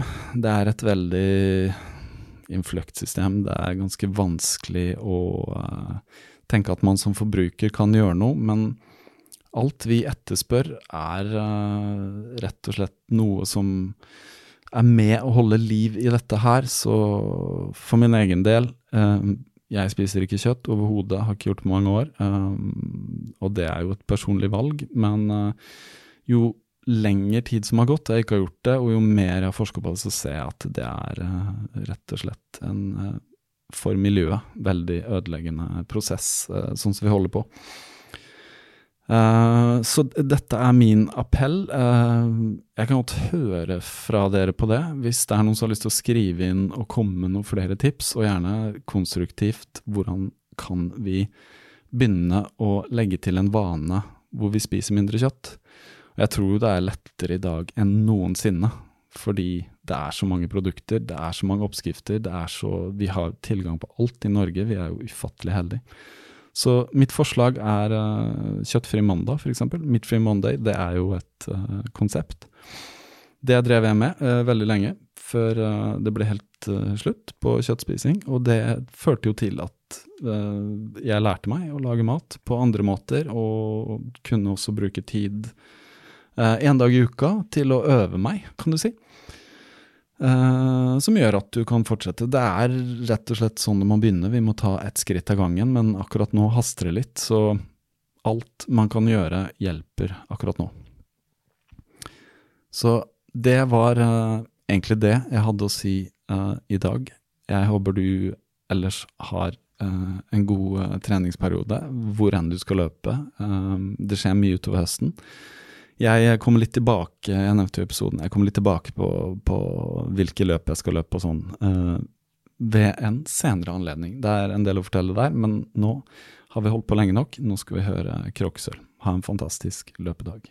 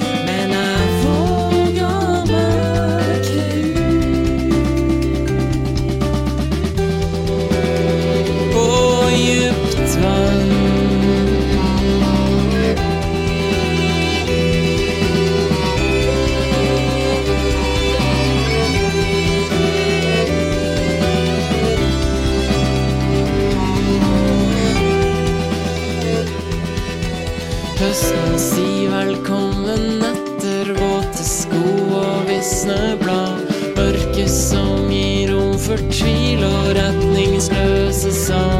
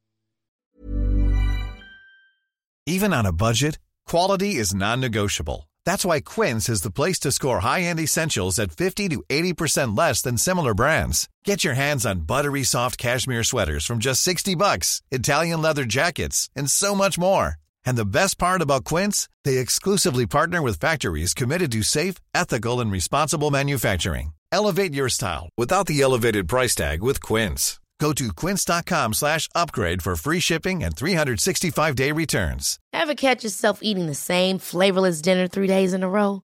Dreaming of something better? Well, HelloFresh is your guilt-free dream come true, baby. It's me, Kiki Palmer. Let's wake up those taste buds with hot, juicy pecan-crusted chicken or garlic butter shrimp scampi. Mm. Hello Fresh. Stop dreaming of all the delicious possibilities and dig in at HelloFresh.com. Let's get this dinner party started. Hey, it's Paige DeSorbo from Giggly Squad. High quality fashion without the price tag. Say hello to Quince. I'm snagging high-end essentials like cozy cashmere sweaters, sleek leather jackets, fine jewelry, and so much more. With Quince being 50 to 80% less than similar brands. And they partner with factories that prioritize safe, ethical, and responsible manufacturing. I love that. Luxury quality within reach. Go to quince.com slash style to get free shipping and 365 day returns on your next order.